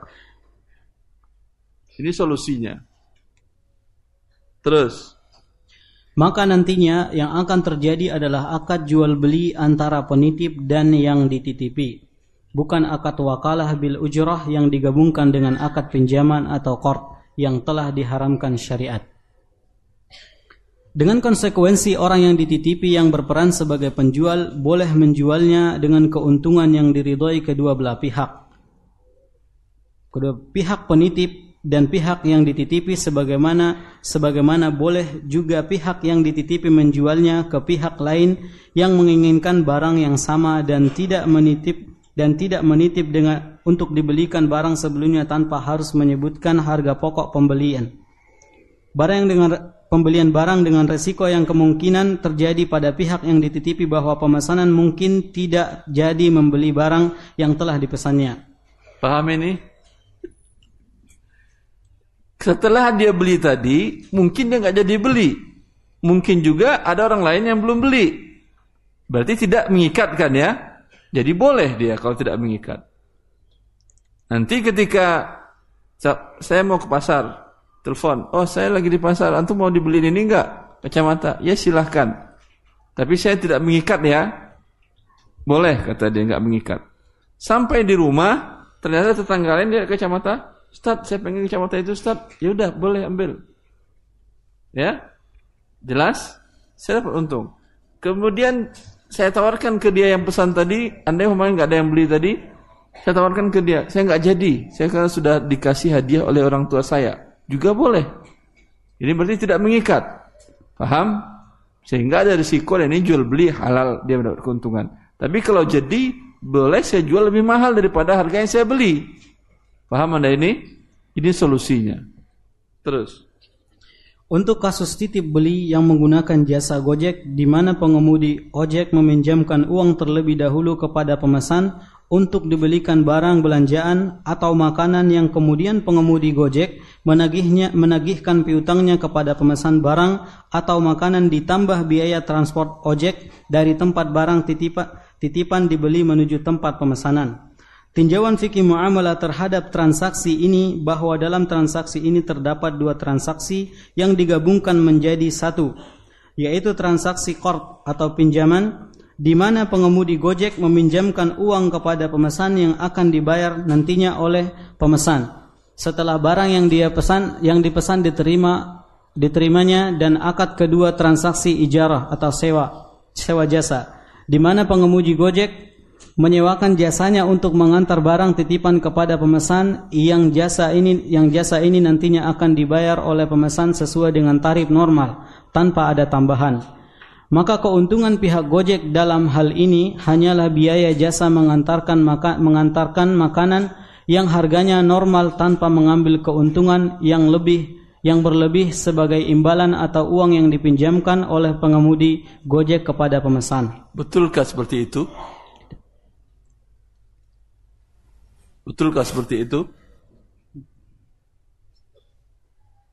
Hah? Atau tidak tahu?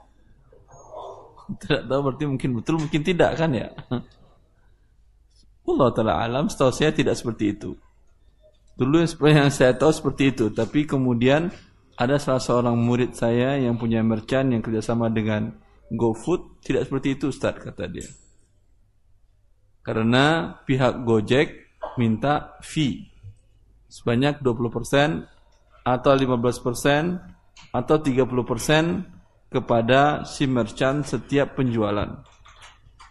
Berarti sama nggak dengan just tip yang pertama tadi? Hah? Kan minta fee yang pertama tadi. Sama atau tidak? Sama. Baik, terus.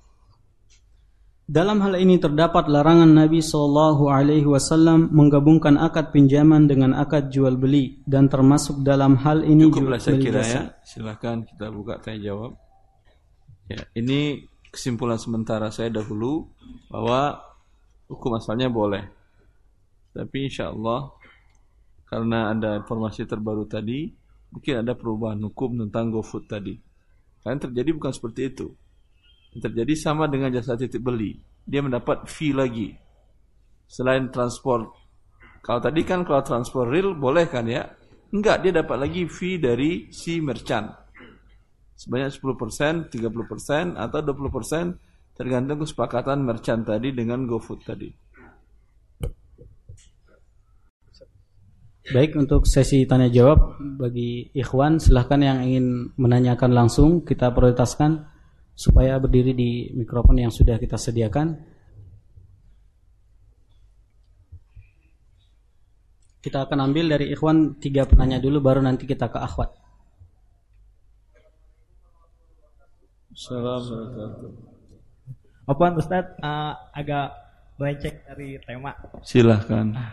Bagaimana hukumnya seseorang yang bekerja sebagai staf HRD di salah satu main dealer mobil yang memang pendapatannya itu ada unsur ribanya juga, tapi ada unsur hak juga. Contohnya yang ribanya itu dia juga membuka showroom yang ada kredit ribanya itu meskipun uh, gabung dengan leasing, tapi ada juga penjualan cash atau bahkan servis uh, menjual mobil-mobil ke showroom-showroom kecil. Itu bagaimana hukumnya Ustaz? Dia bekerja di showroom, showroom itu menjual yang halal, menjual juga yang haram dalam transaksinya. Iya betul. Tapi dia bukan bagian langsung untuk menjual belikan, Bukan- bukan sales. transaksi. Iya. Kalau yang langsung dia akan termasuk bagian dari penulis akad riba atau saksi akad riba atau perantara akad riba yang kemudian dilaknat oleh Rasulullah Sallallahu Alaihi Wasallam. Tapi dia hanya bagian HRD saja. Iya. Her. HRD ini apa artinya? Ah, saya di bagian general affair-nya Ustadz, jadi lebih ah, purchasing atau juga pengaturan kebersihan, ah, security kayak gitu. Ya, tanpa bagian ini perusahaannya jalan atau tidak? Nggak jalan. Tidak jalan kan ya? Berarti dia bagian penting daripada terjadinya riba tadi. Gimana Ustadz? Jelas jawabannya? Jelas. Allah barik. Jadi solusinya lebih baik keluar ya. Bukan lebih baik keluar, harus keluar. Ya udah. Jadi kalau heran Ustadz. Allah barik. ya. Assalamualaikum Ustaz, Ana mau nanya. Atau kemudian sebentar dulu. Antum kalau bisa jangan tadi antum muter balik nggak boleh. Bisa ngantri sehingga tidak memotong yang lain. Sekarang nggak masalah karena nggak ada yang ngantri. Kan maksud saya masalah yang tadi HRD tadi. Kecuali sekarang Anda tanyakan kepada pihak perusahaan Anda. Berapa yang terjual, berapa persen yang halal, berapa persen yang riba. Hah?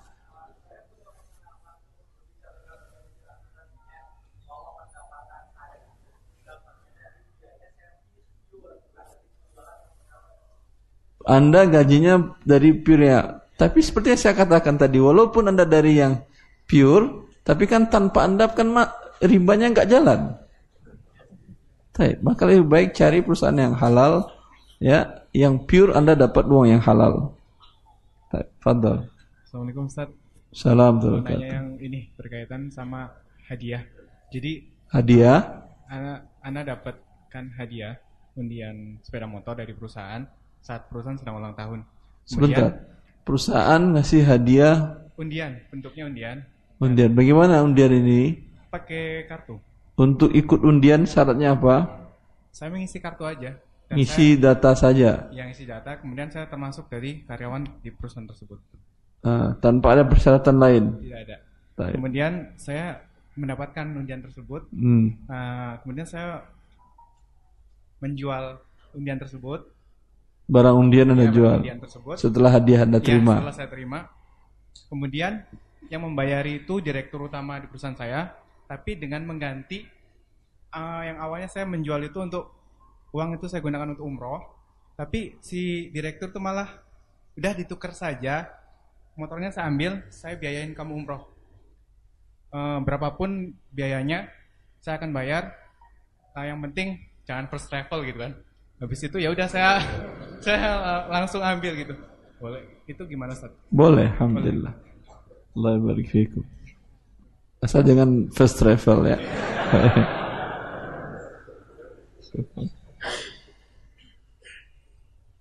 Assalamualaikum warahmatullahi wabarakatuh. Salam wabarakatuh. Anak kredit perumahan syar'i Ustaz. Beli rumah dengan cara tidak tunai tapi syar'i. Iya. Ah, yang betul syar'i. Tapi sebelum terjadi akad Tapi dengan bank diharuskan menyetorkan uang administrasi itu Ustaz ke Uang? pihak developer gitu. Uang Apa? administrasi ke siapa dibayarkan? ke pihak developer atau marketing gitu. Boleh kita boleh atau enggak itu? Syar'inya dari mana lagi ini? Anda sudah bayar uang Uang administrasi ke administrasi ke developer. Ah, Apa hubungan developer dengan bank? katanya untuk jaminan untuk proses selanjutnya. Ya berarti Anda sudah bayar DP kan ke developer? Kalau DP belum katanya Ustaz. Uang yang Anda serahkan itu apa namanya? uang administrasi karena perjanjiannya sebelum kalau booking fees udah gitu tapi kelanjutannya uang administrasi itu boleh nggak itu Anda tidak ada urusan dengan developer. Setiap uang yang Anda serahkan kepada developer, berarti Anda sudah akad dengan developer. Ya atau tidak? Kalau untuk uang titipan gimana itu Ustaz? jatuhnya Tadi administrasi, sekarang titipan. Mana yang betul? ya mereka sanggahannya begitu katanya untuk uang jaminan saja jadi ntar apabila ter- tidak terjadi akad uang itu akan kembali lagi gitu Betul kembali lagi. iya bisa untuk kembali lagi 100% gitu Administrasi kembali uangnya ke administrasi. ya kembali dia Ke kecuali yang administrasi fee enggak. itu. Ala kulli hal bentuknya adalah seperti tadi. Anda sudah memberikan uang kepada developer. iya Nanti dikembalikan dia 100%. 100% Ah, kemudian baru bank beli ke developer tadi. iya Ya. Kemudian Anda beli dari bank dari bank dengan cara mencicil. iya benar Terlambat tidak ada denda. Tidak. Hah? Tidak ada. Tidak ada denda. Sama sekali tidak ada denda. Iya. Enggak ada masalah. Boleh. Ustaz. Allah barik fiik. Baik, cukup ya dari Ikhwan. Sebelum ke akhwat kita bacakan dulu apa namanya pertanyaan yang masuk lewat via WA. Assalamualaikum Ustaz. Ana Ummu Khair, pemirsa Asan TV dari Bekasi. Mau nanya, dia, tapi di luar tema. Beli mobil secara kredit dari leasing tapi belum tahu kalau riba. Setelah tahu bahwa itu riba, apakah mobil itu dikembalikan ke leasing atau bagaimana? Mohon penjelasan Ustaz. Jazakallah khair. Allah barik fiik. Beli mobil ke leasing. Leasing itu punya mobil. Hah? Anda beli ke penjual. Tidak punya uang tunai. Dibayarkan oleh leasing, begitu kan ya? Berarti dia meminjamkan Anda uang. Anda bayar ke dia berlebih. Apa namanya? Riba. Terlambat dikenakan denda. Apa namanya lagi? Dua kali ribanya. Sekarang Anda bertobat kepada Allah Subhanahu wa taala apakah dikembalikan ke leasing? Ya tidak, karena kan Anda bukan beli dari dia, mobil halal milik Anda. Cuman pinjaman yang haram. Tutup pinjaman tadi karena Anda mengandung unsur riba. Bagaimana cara tutupnya? Tentu dibayar. Bayar sebesar pokok pinjaman. Yang dipinjamkan 300 juta, bayar 300 juta. Bunganya dibayar. Kalau Anda bayar bunganya berarti Anda bayar ribanya. Bayar apa tidak berarti? Tidak, tapi bisa.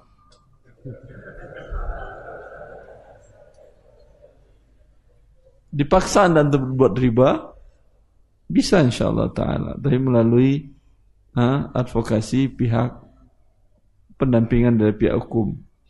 Pengacara insya Allah bisa. Ya ada beberapa komunitas komunitas anti riba yang menyediakan pendampingan advokasi dengan cara gratis malah. Ya, bayar pokoknya saja. Bagaimana cara bayarnya? Ya tentu ada punya uang, tadi pinjam 300, bayar 300. Jelas? Bukan berarti mobil dikembalikan ke leasing karena Anda bukan beli dari dia. Anda beli dari pihak yang lain. Cuma sekarang digadaikan ke dia imbalan dari uang yang dia pinjamkan. Sehingga tidak bisa Anda jual ke pihak yang lain. Kalau bisa Anda jual di bawah tangan atau jual barang aset yang lain untuk dapatkan uang, tutup pokok utang tadi, selesai urusannya insya Allah ta'ala. Saya berikutnya Sat. Bagaimana kalau driver Gojek online halalkah yang menggunakan GoPay, pelanggan yang menggunakan GoPay dan GrabPay, apakah halal baginya? Sekarang drivernya, ya pelanggannya menggunakan GoPay, ya GoPay hukumnya apa? GoPay si seseorang deposit uang ke perusahaan Gojek tadi. Ini sudah ada jual beli atau belum? Belum. Yang belum ada jual beli. Ya, maka sangat bodoh kalau sebagian orang mengatakan itu kan sama dengan beli uang di depan barang atau jasa belakangan. Tidak.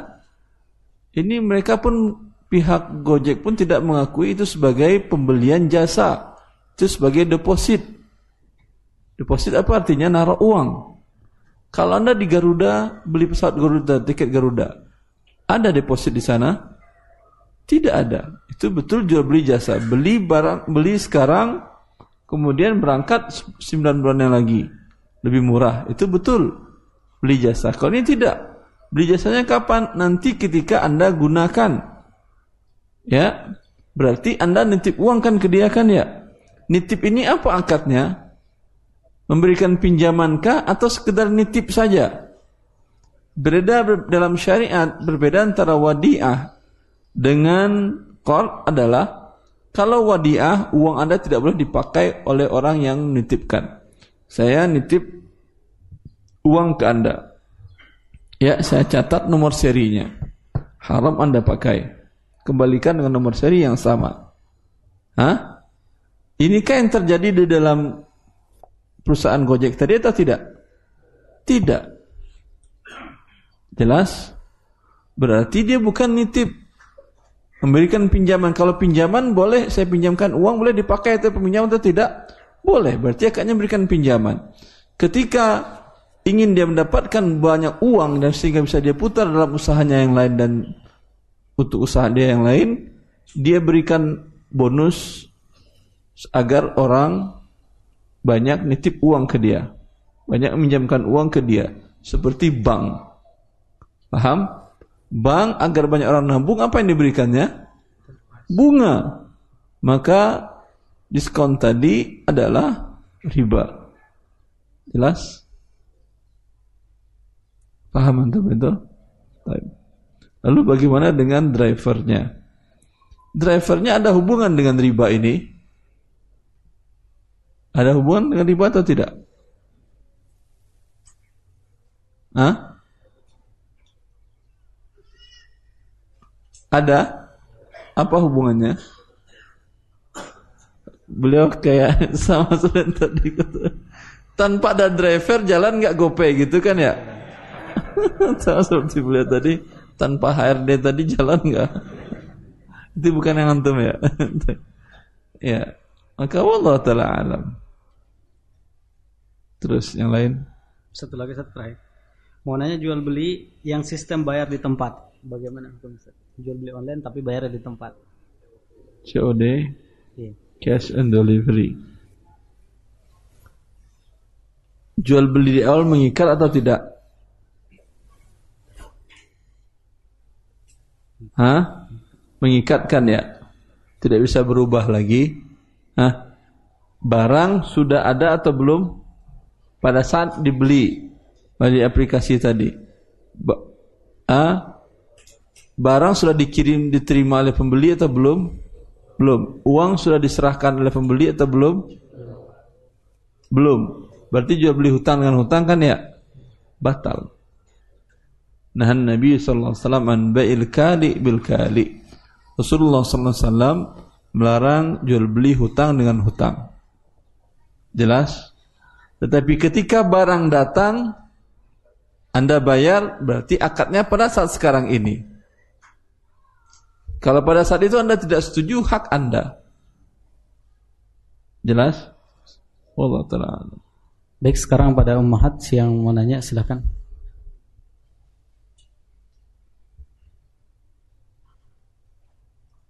Assalamualaikum Ustadz.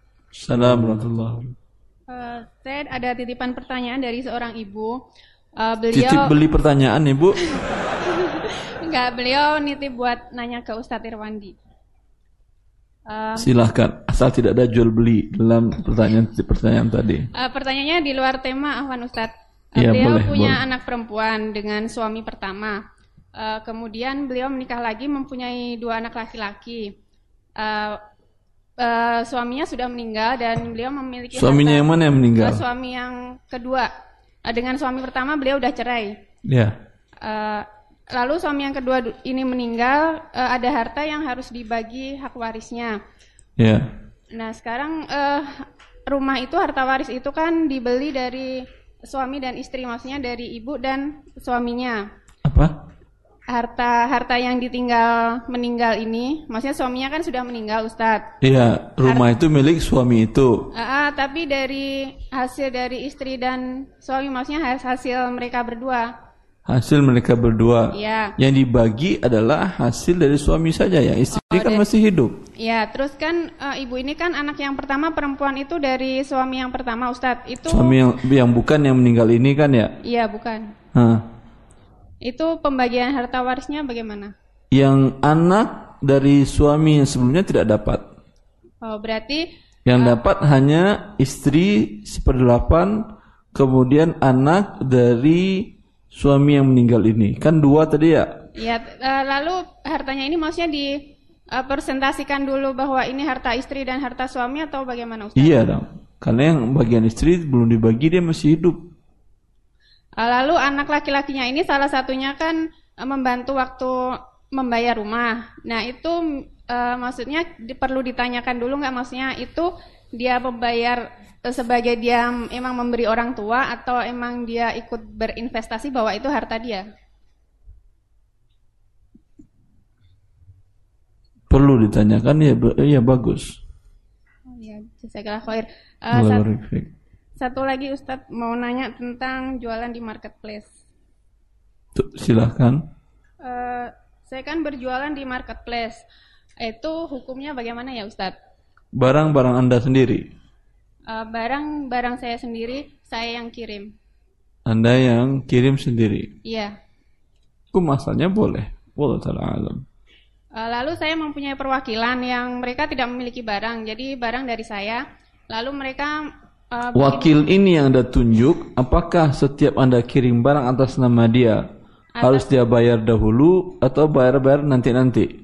eh, atas nama mereka, tapi customer langsung transfer ke Pertanyaan saya, ah, transfer ke Anda langsung. saya. Iya, jadi mereka hanya memproses transaksi, maksudnya eh, belinya apa, harganya sekian, hanya ngasih invoice, lalu eh, total transfer dan mereka customer langsung transfer ke rekening saya. Itu kalau misalkan tidak lewat marketplace, misalkan langsung lewat perwakilan. Ah, Lalu dia dapat fee Anda kirimkan uang Iya, gitu. fee-nya itu eh, diakumulasi, saya eh, dikumpulkan, maksudnya tetap ditahan di saya selama satu bulan, baru di, saya kasih pas eh, akhir bulan. Boleh. Boleh. Hmm. Eh, lalu mereka mempunyai toko marketplace. Eh, misalkan mereka menjual barang saya lewat marketplace dia, Lalu ini yang ketiga apa ini? Lalu ini. Coba lagi. eh, dia kan punya toko marketplace. Dia siapa lagi ini? Yang eh, perwakilan saya, marketer saya. Ah, Ah, dia menjual barang saya, yang kirim barang saya atas nama dia, eh, otomatis kan eh, uang masuk ke marketplace dia. Itu- Anda wakilkan ke dia tolong jualkan barang saya. Iya, saya sudah wakilkan ke dia. Uang terima oleh Anda juga oleh Eh, masuknya kan, masuknya kan ke ke wakil Anda tadi kan eh, ya? ke wakil. Ah, masuk uang ke dia. Terus Iya. Eh, itu hukumnya bagaimana? setiap barang yang terjual Anda kirimkan langsung atau dia harus bayar dulu ke Anda?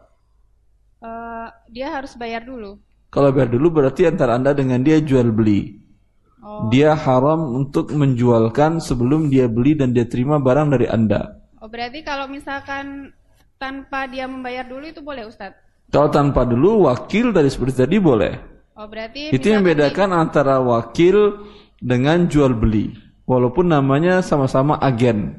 Dalam istilah konvensionalnya mereka namakan A ini agen, B ini juga agen. Tapi yang satu tidak, yang pertama tadi kan marketer Anda nggak mesti beli dulu, bayar dulu kan ya? Iya. Yang itu boleh. Oh berarti Yang ini dia harus bayar dulu ke Anda, baru Anda kirimkan barang ke pembelinya dia, maka ini bukan akadnya wakalah, ini jual beli. Maka haram dia jual sebelum dia terima dan beli barang dari Anda. Oh, baik. Berarti kalau misalkan dibayarnya nanti pas udah akhir bulan, eh, jadi akumulasi selama satu bulan itu boleh Ustadz? Itu boleh. Oh ya udah jazakallah khair. Ya, tapi ingat-ingat kalau dia nggak bayar-bayar gimana? Baik, Karena akad wakalah itu antara orang saling percaya. Anda mewakilkan kepada teman dekat yang selama ini dah tahu orangnya bisa dipercaya.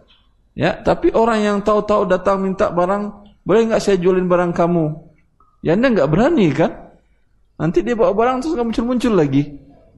Baik. Baik. Ada lagi dari akhwat. Ya, Assalamualaikum Ustadz. Assalamualaikum warahmatullahi wabarakatuh. Ustadz saya mau tanya, saya itu kan agen. Kalau dari perusahaan, Kurang jelas Ibu? oh iya, saya ini agen salah satu produk herbal. Itu kalau di- Agen produk herbal. ya, Terus kalau di perusahaan itu ada promo, misalnya satu box. apa? Kalau di perusahaan dari manajemen itu ada ada program beli satu box Beli satu box ya gratis satu satu piece gitu. Itu boleh nggak Ustaz?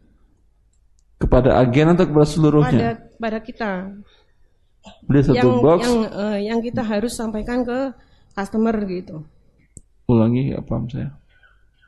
Ibu Jadi- agen, Iya, saya agen. sampaikan kepada setiap customer Disuruh bahwa yang eh, beli satu box ada diskon satu pieces gratis. ad- ada gratis tambahan. eh, jadi Gratis buat siapa customer atau buat agennya? customernya Boleh. boleh ya. Ah. Eh, apakah itu tidak tidak termasuk mengiming-imingi Ustaz? Bukan iming-imingin, memang dapat atau tidak dia? Oh gitu. Gimana Ustaz? Emang dapat satu piece tadi atau tidak? Iya, dapat. Kalau emang dapat boleh.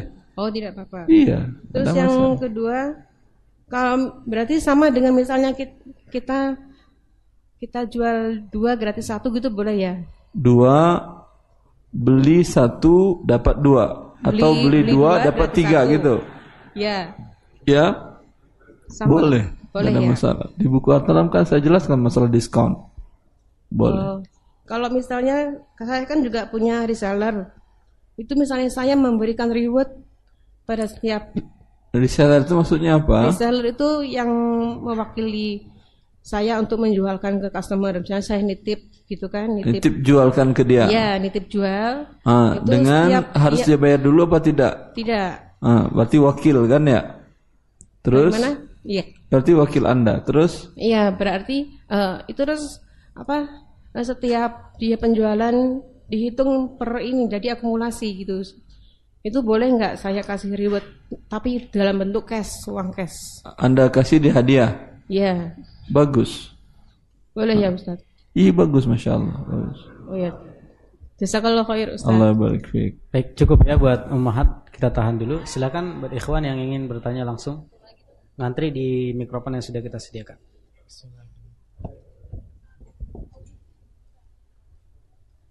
Cek cek. Eh, Assalamualaikum warahmatullahi wabarakatuh. Salam warahmatullahi wabarakatuh. Saya mau nanya eh, tentang eh, Bitcoin Ustaz. Bitcoin Iya betul. Anak Saya kan baca berita terakhir di salah satu media nasional Bitcoin diharamkan oleh ulama dunia.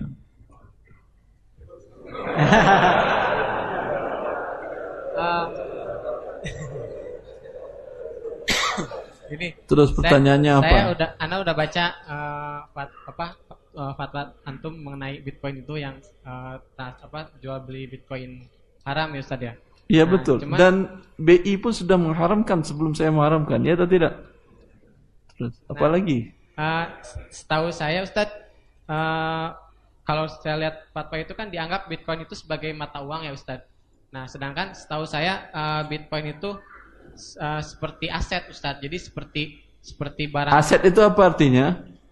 Maksudnya Barang. Betul. Bitcoin itu apa bentuknya? eh, kode digital Ustadz. Kode digital. Kalau digital itu kan jin kan itu. Nggak ada bentuknya. Jadi Boleh nggak jual beli jin? Maksudnya aset digital itu kan ada banyak Ustadz. Jadi kayak misalnya website pun itu kan bisa dibilang aset digital Ustadz. Jadi kita Ada nggak barangnya ke website? Ada. Tapi Bitcoin juga ada sih angka-angka. Apa? Angka-angkanya ada Ustaz.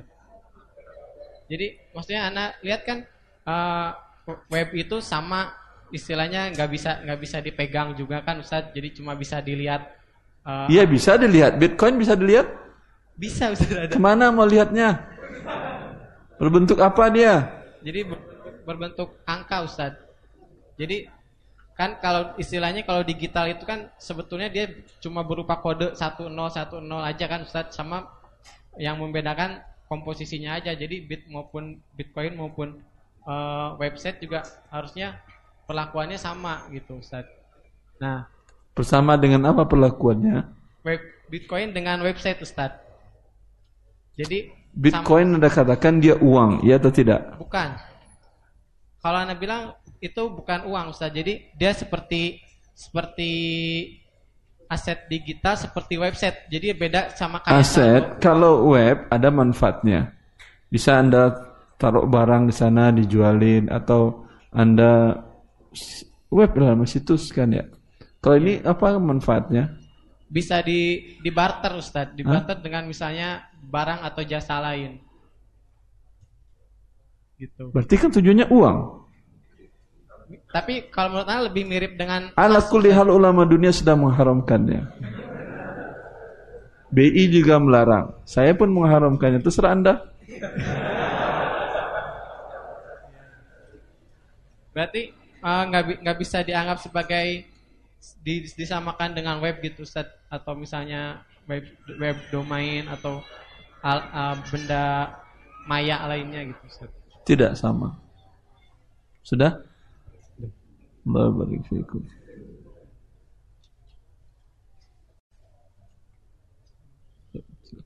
Assalamualaikum warahmatullahi wabarakatuh. Assalamualaikum warahmatullahi wabarakatuh. Ustaz, eh, Anda mau tanya, eh, mungkin tidak ada kaitannya langsung dengan apa tema hari ini, tapi dal- masih dalam hal muamalah. Eh, terkait dengan menabung di bank syariah dengan akad mudarabah, Ustaz. Eh, di sana dijelaskan bahwa di akadnya eh, bagi hasil. Kemudian kalau rugi ditanggung bersama antara bank dengan nasabah. Hah? Eh, antara bank dengan nasabah. Kalau rugi Rugi menabung, Menabung nasabah berkurang uangnya gitu. eh, di akadnya seperti itu. Tetapi berapa Sebentar, besar bank mana? bank syariah? Bahwa uang nasabah akan berkurang begitu. Dia tidak menyatakan berkurang, tapi ditanggung bersama oleh pihak bank dan nasabah. Dijelaskan di di di akadnya. Ada, Ini bagus ini. ada. Tapi setelah saya eh, apa, Sebentar, setelah sebentar, sebentar. Ya. Ini bagus kalau memang ada akad seperti ini. Ada Ustaz. Kemarin kebetulan saya ke Di bank syariah apa namanya? Bank Syariah Mandiri. Sekarang ada pernyataan kalau Anda nabung, uang Anda akan bila terjadi kerugian dalam usaha bank syariah mandiri, uang Anda akan berkurang, begitu. Tidak menyatakan berkurang, tetapi ditanggung bersama oleh bank dan nasabah. Iya, berarti Anda akan rugi kan? Iya, iya. Berkurang uang Anda kan, berarti kan ya? Statementnya tidak menyatakan berkurang, tapi Walaupun tidak berkurang, tapi uang Anda akan berkurang atau tidak kalau dia rugi? Apa tanggung bersama itu artinya apa? Kan Anda ikut rugi. betul. Cuman Berarti akan saat- ikut berkurang uang Anda kan ya? Betul, Oke. Tapi pada saat didesak, bagaimana metodenya? Eh, pihak bank menjelaskan bahwa kalau rugi sebenarnya kita tidak akan rugi dia bilang. Karena apa? Kalau rugi ada LPS yang menjamin. Statusnya bagaimana Ustaz? LPS dengan bank itu akadnya apa? Ya itu tidak dijelaskan kita. Dan nasabahnya tidak dijelaskan. Bahwa bank syariah dan seluruh bank membayar premi. Berarti sama dengan asuransi. Ustaz. Memang asuransi dia. Ini? Asuransi atas pinjaman tadi. Dan untuk Asia Tenggara setahu saya sampai sekarang itu masih dipegang oleh Soros. Yang punya World Bank Yahudi. Berarti akad ini tidak Sampai sekarang tidak ada akad yang syariah antara LPS tadi dengan bank syariah. Baru sedang dibuatkan konsepnya. berarti akad ini nggak bisa di nggak sah secara syar'i nggak bisa. Wallah ta'ala. Dia kan bilang Anda menanggung rugi tapi tidak akan rugi kata dia. Berarti Anda dibohongi atau tidak oleh dia? Dijamin oleh LPS. Dia bilang begitu. Ya berarti uang Anda akan berkurang atau tidak? Logikanya harusnya berkurang Ustaz. Kalau misalkan rugi. Tapi kalau di, di- dia bilang tadi dijamin oleh LPS, oh, tentu saja ini kan tidak akan rugi kita. Iya berarti uang Anda akan berkurang atau tidak? Tidak. Tidak. Riba atau tidak? Karena akadnya yang tidak berkurang berarti bukan akadnya investasi. Akadnya core. Ya udah, kalau Anda ingin butuh pro- produk ini, produk simpanan uang di bank syariah tadi, bilang ke dia, saya ambil produk naruh uang tanpa ada pertambahan. Sebenarnya kita mau akad kod, tapi kebetulan bank ini tidak menyediakan apa? Tidak menyediakan. Tidak ada sama dia tidak ada Ya. tabungan tanpa pertambahan tidak ada. Tidak ada. Yang ada hanya Cari bank lain banyak yang ada. dan Ada bank lain banyak yang ada, saya bilang. BNI Syariah ada mengeluarkan kod ada. wadiah tanpa pertambahan. Itu namanya kod. Ada lagi apa syariah lain juga ada. Muamalat ada. BNI Syariah iya ada. Muamalat kalau saya ada juga ada. Tanyakan ke dia, saya mau rekening tanpa pertambahan. Syukuran Ustaz. Assalamualaikum. Allah barik fiik. Assalamualaikum warahmatullahi wabarakatuh. Baik, tafadhal Pak. Assalamualaikum Ustaz. Assalamualaikum warahmatullahi wabarakatuh. Eh, kebetulan saya mengelola sebuah jasa kurir di mana saya melayani banyak peda- para pedagang online dan akhir-akhir ini saya banyak menghadapi permintaan diskon. Yang jadi pertanyaan saya bagaimana hukumnya eh, diskon yang diterima dari customer sedangkan ongkos kirim atas barang yang dibelinya itu yang nanggung adalah pembelinya sedangkan penjualnya hanya mengirimkan ke jasa kurir uh, mem- membayarkan ongkos kirim sesuai dengan tarif kemudian mereka minta diskon itu hukumnya bagaimana untuk Berarti kurir dengan si penjual bersekongkol makan uang si pembeli. bukan begini maksudnya Ustaz Bukan begitu. Uh, Eh, iya, bukan begitu. Bagaimana bukan begitu? Harusnya harganya umpamanya 80 ribu. Ya kan? Ah, yang tertera harga 100 ribu. Semua orang tahu. Tetapi si penjual minta 20 ribu. Berarti sebetulnya yang dibayar dia adalah 80 ribu. Ya, ditagihkan nanti kepada si konsumen 100 ribu. Berarti berbohong nggak anda berdua? prakteknya tidak seperti itu Ustaz Tidak seperti bagaimana? Kalau nggak seperti itu gimana? ongkir 9000 Ongkir 110 ribu biar gampang hitungnya. Ha. 10 ribu itu dibayar- dibayarkan oleh pembeli Pembeli bayar 10 ribu. Terus Jadi penjual itu sudah menerima katakanlah barangnya harganya 90 90 ribu ditambah ongkir jadi 100 ribu. Nah kemudian yang 9 ribu ini si penjual minta diskon akumulasi dari kiriman satu bulan. Udah sebentar. Sedangkan ongkirnya itu kan dibayar full oleh pembeli. Nah mungkin Yang bayar kan pembeli. Iya. Terus kenapa yang dapat diskon adalah si penjual? Bukan maksudnya saya kan uh, mengelola sebuah jasa kurir. Jadi kan uh, fenomena yang sekarang tuh penjual online meminta diskon kepada saya ongkirnya. Diskon dari ongkir. Padahal bukan dia yang bayar. Iya, yang bayar itu pembeli. Bilang ke dia, Pak Anda kamu minta jasa ongkir sedangkan bukan kamu yang bayar. Bagaimana? Saya nggak ada hubungan dengan Anda. Bagaimana kalau saya minta diskon kepada Anda? Setuju? Uh, saya memberikan diskon. Enggak, saya nggak ada hubungan. Saya bukan penjual, bukan pembeli. Minta diskon kepada Anda 20% untuk saya. Mau? Jadi selama ini saya memang uh, belum belum belum mem, me, apa, memberikan diskon. Ya, jangan berikan kepada dia. Ya. Ya. Karena yang memanfaatkan jasa Anda bukan dia. Pembeli. Kepada pembeli Anda berikan potongan itu bagus. Kalau penjual barang itu kan uh, ke saya itu sebagai pembeli jasa saya. Yang bayar jasa Anda penjual atau pembeli? Pembeli, Pak. Berarti yang beli jasa Anda si penjual atau pembeli? Ya, kedua belah pihak terkait, Pak. Enggak, si penjual ini hanya perantara saja dia. Perantara dari si pembeli orang orang suruhan saya. Kalau dia Anda berikan berarti Anda beri disuah ke dia. Karena untuk barangnya sudah saya bayar. Berarti dia tidak amanah. Harusnya setiap diskon buat saya bukan buat dia. Ya, mungkin ini masukan untuk uh, mungkin jamaah yang hadir di sini yang mungkin banyak yang Ya bekerjanya risuah seperti ini banyak, betul. Iya. Memang banyak, betul. Ya, makasih Ustaz. Jadi Allah salimakum. Baik, kita tahan dulu ya. Kita ambil pertanyaan yang ada dimasuk di WA. Assalamualaikum Ustaz. Bagaimana Assalamualaikum hukum cashback yang sering ditawarkan penyedia jasa jual beli online? Seperti Tokopedia, Bukalapak, dan lain-lain. Cashback itu bagaimana bentuk cashbacknya? Saya bisa jelaskan.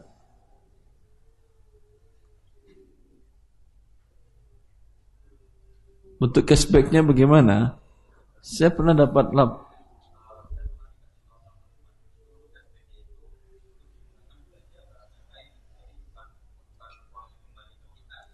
Bagaimana bentuknya?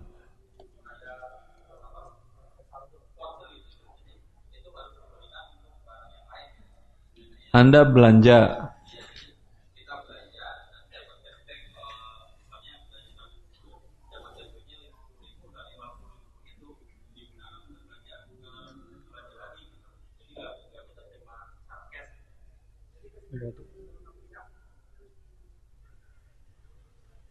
Anda belanja 100 ribu. Nanti ada dikembalikan oleh si penjual aplikasinya. Anda pernah dapat penjelasan saya ketawa dan dia pun ketawa dengan rincian tersebut. Bukan dia yang dapat jual beli barang, tapi dia dapat keuntungan. Sama dengan yang saya tadi. Saya lupa bagaimana bentuk cashbacknya itu.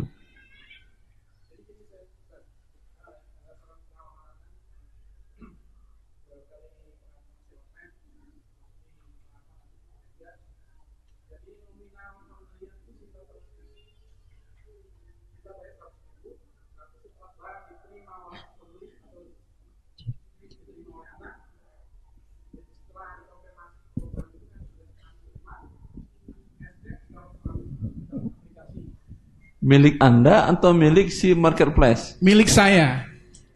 Ah, diberikan uang 50 ribu lagi. Diberikan Terus? ke aplikasi sejumlah nominal cashback. Dan cashback itu bisa dibelanjakan kembali Ke dia atau ke toko yang lain juga bisa? ke toko yang lain.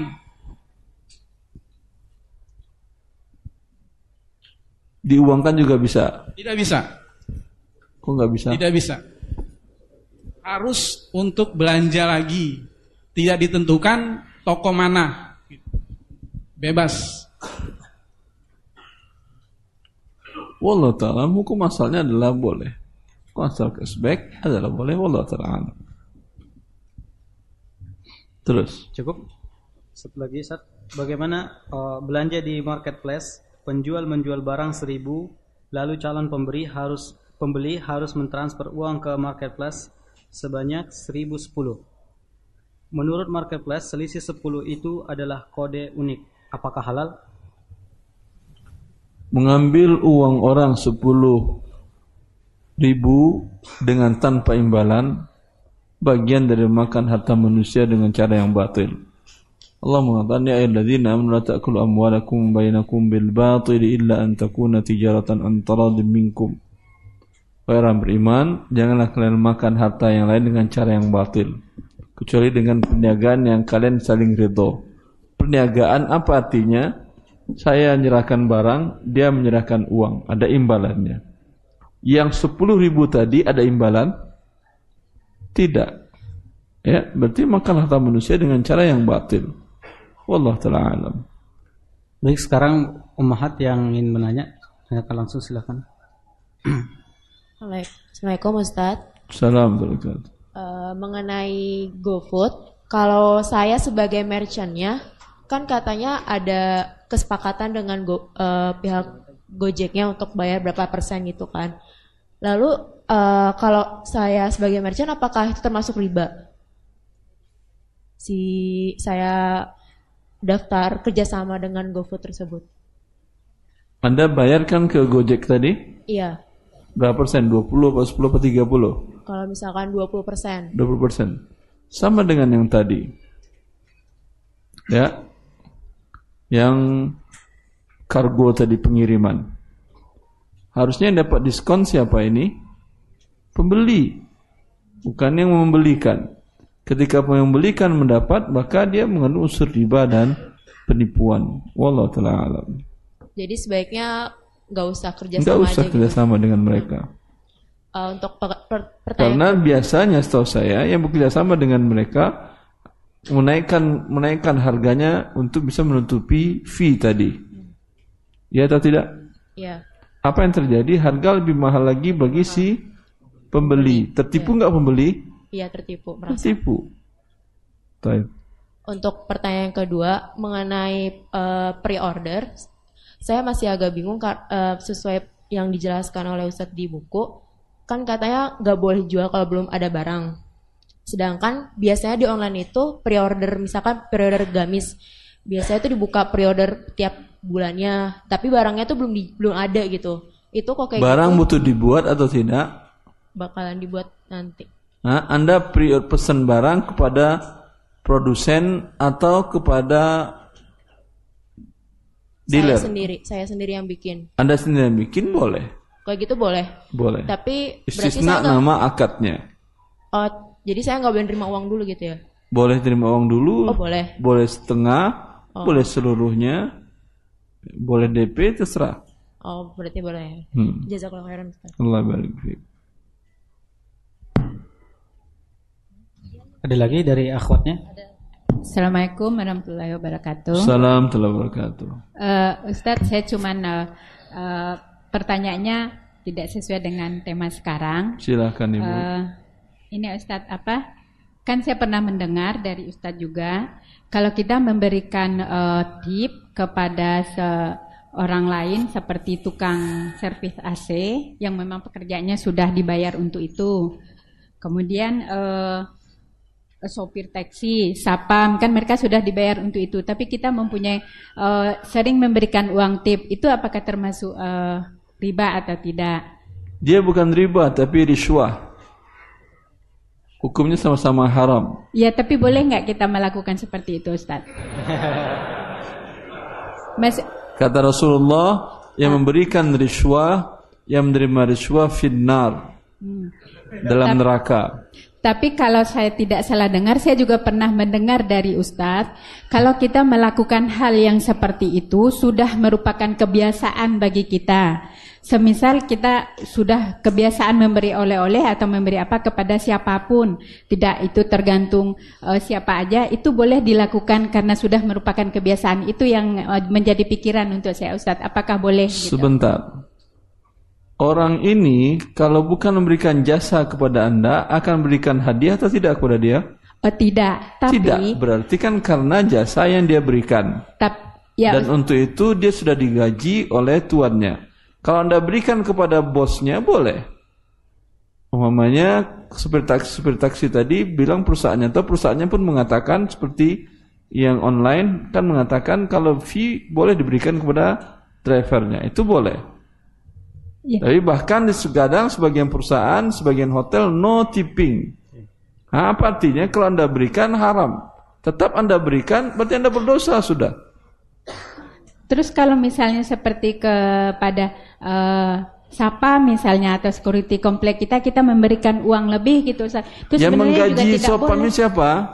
Eh, panitia di komplek. Anda termasuk menggaji dia? Iya Ustadz karena dari iuran. Kalau Anda yang menggaji dia boleh. Berarti Anda tambahkan gajinya kan ya? Kalau komplek yang lain kita tidak ikut iurannya pas kita lewat gitu Ustadz.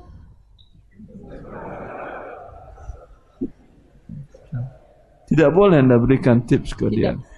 Jadi ke- kebiasaan yang itu tidak bisa patokan ya Ustadz. Karena saya juga pernah dengarnya dari Ustadz kalau sudah merupakan kebiasaan untuk bersedekah itu boleh dilanjutkan. Jadi Illa memberi ke siapa Itu aja. masalah riba, Ibu.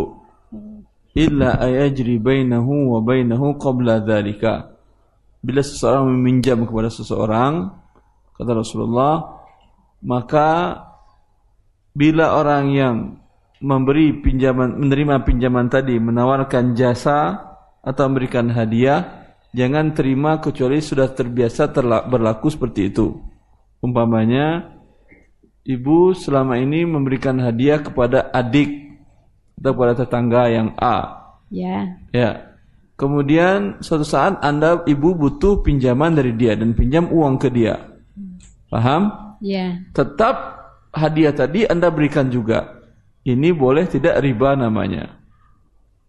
Paham? Boleh, boleh ya Ustaz. Ah, ah. Tapi kalau yang tadi kan kita tidak mendapatkan apa-apa dari mereka. Tidak ada pinjaman. Kalau misalnya tidak pinjaman, kalau misalnya kita contohnya aja memberi uh, uang uh, taksi ya Ustadz ya, ini uang uh, sewanya dua puluh ribu misalnya, kemudian kita kasih dua puluh ribu, ini lebihnya dua puluh ribu untuk kamu, boleh nggak seperti itu Ustadz? Tidak boleh riswah. Ya Kan sudah udah, saya Ustadz. Hadis Ibnu Lutbiyah dengar ini Ibu. Ibnu Lutbiyah sahabat Nabi sallallahu alaihi wasallam. Jelas? Iya. Disuruh oleh Rasulullah mengambil zakat dari Bani Sulaim. Ambil zakat ada nggak gajinya? Ada gajinya sebagai amil zakat. Terus terang Bani Sulaim tadi memberikan ini yang zakat, ini adalah hadiah kami berikan kepadamu, wahai sahabat Nabi. Iya. Karena kami menghormatimu sebagai sahabat Nabi. Dan terus terang Ibn Lutbiyah datang kepada Rasulullah dan bilang, ini zakat dan ini hadiah mereka untukku karena mereka senang. Marah Rasulullah SAW. Kata Rasulullah, kaedahnya membedakan antara iswa dengan tidak. Afala qa'ada fi baiti abihi wa ummi falyunzur ayuhda Coba dia duduk di rumah ibunya, bapaknya, karyawan tadi. Apakah ada orang yang berikan hadiah kepada dia? Tidak. Berarti ini bukan imbalan hadiah, tapi imbalan pekerjaan. Untuk pekerjaan dia sudah dapat gaji. Jelas ibu? Iya Ustadz, ja- jazakillah Jangan senang Ustadz. berbuat dosa ibu. Senang begini, senang begini. Sedang berbuat dosa namanya. Allah barik fiik. Baik, ada lagi yang dari Afat? Assalamualaikum warahmatullahi wabarakatuh. warahmatullahi Pak Ustadz, saya mau tabayun ya mengenai ini apa? eh, saya mendapatkan info- informasi dari salah satu developer yang bekerja sama dengan BNI Syariah eh, mengenai KPR Syariah bahwa eh, beliau eh, mengklaim eh, mem- apa sudah mendapatkan fatwa atau persetujuan dari Ustadz eh, dengan akad istisna bahwa developer boleh menarik DP dari cabuy gitu. Istisna Iya dengan memakai akad istisna katanya. Jadi eh, ini memang BNI Syariah ini tanpa denda, tanpa sita, tanpa penalti. Gitu. Tapi eh, bayar DP-nya itu ke, deve- ke developer. Nah, developer itu mengklaim bahwa dia sudah mendapatkan eh, apa izin ust- dari ustadz udah konsultasi bahwa apa itu namanya memakai akad apa boleh memakai akad istisna dan juga dibolehkan karena kedaruratan pembiayaan perumahan tersebut kedaruratan. pembiayaan perumahan tersebut Ibu beli ke developer atau ke bank? kalau nanti akadnya itu dengan BNI Syariah tapi kalau DP-nya itu ke developer Enggak boleh sama sekali. beliau mengklaim eh, sudah mendapatkan izin dari Ustadz karena Saya kan orangnya sini hidup saya masih ibu. ya Saya kan masih hidup. Gak perlu ditanya dia mengklaim dia mengklaim. Oh gitu. Jadi beliau mengatakan boleh memakai Saya masih hidup di sekarang saya bilang tidak boleh. Kalau saya sudah meninggal baru bisa klaim mengklaim baik. Kalau akad istisna itu sebenarnya seperti apa ya? Saya sempat baca itu ada Istisna itu artinya dia menjual barang dan jasa dibuatkan. Yang dijualnya bukan material saja, tapi material yang sudah berubah menjadi rumah. Berarti ah, ada jabaran dan jasa. Berbeda dengan jual beli barang. Jual beli barang tidak boleh menjual barang yang belum dimiliki. Jual beli jasa boleh menjual jasa yang belum di, belum jasa yang belum ada. Dan gabungan barang dan jasa boleh, namanya istisna. Wallahu taala alam. Oh, jadi sebenarnya tidak benar itu ya Pak Ustadz ya. Iya. Boleh yang kedua Pak Ustadz? Baik. Kita cukupkan ya sampai di sini karena waktunya sudah habis. Semoga Allah Subhanahu wa taala membalas kebaikan Ustaz dan memberikan ilmu yang diberikan kepada kita berkah dan semoga Allah Subhanahu wa taala menjaga kesehatan beliau. Amin. Kita tutup dengan doa kafaratul majlis. Subhanakallahumma wa bihamdika asyhadu an la ilaha illa anta astaghfiruka wa atubu ilaik. Assalamualaikum warahmatullahi wabarakatuh. Assalamualaikum. جزاء الإحسان إلا الإحسان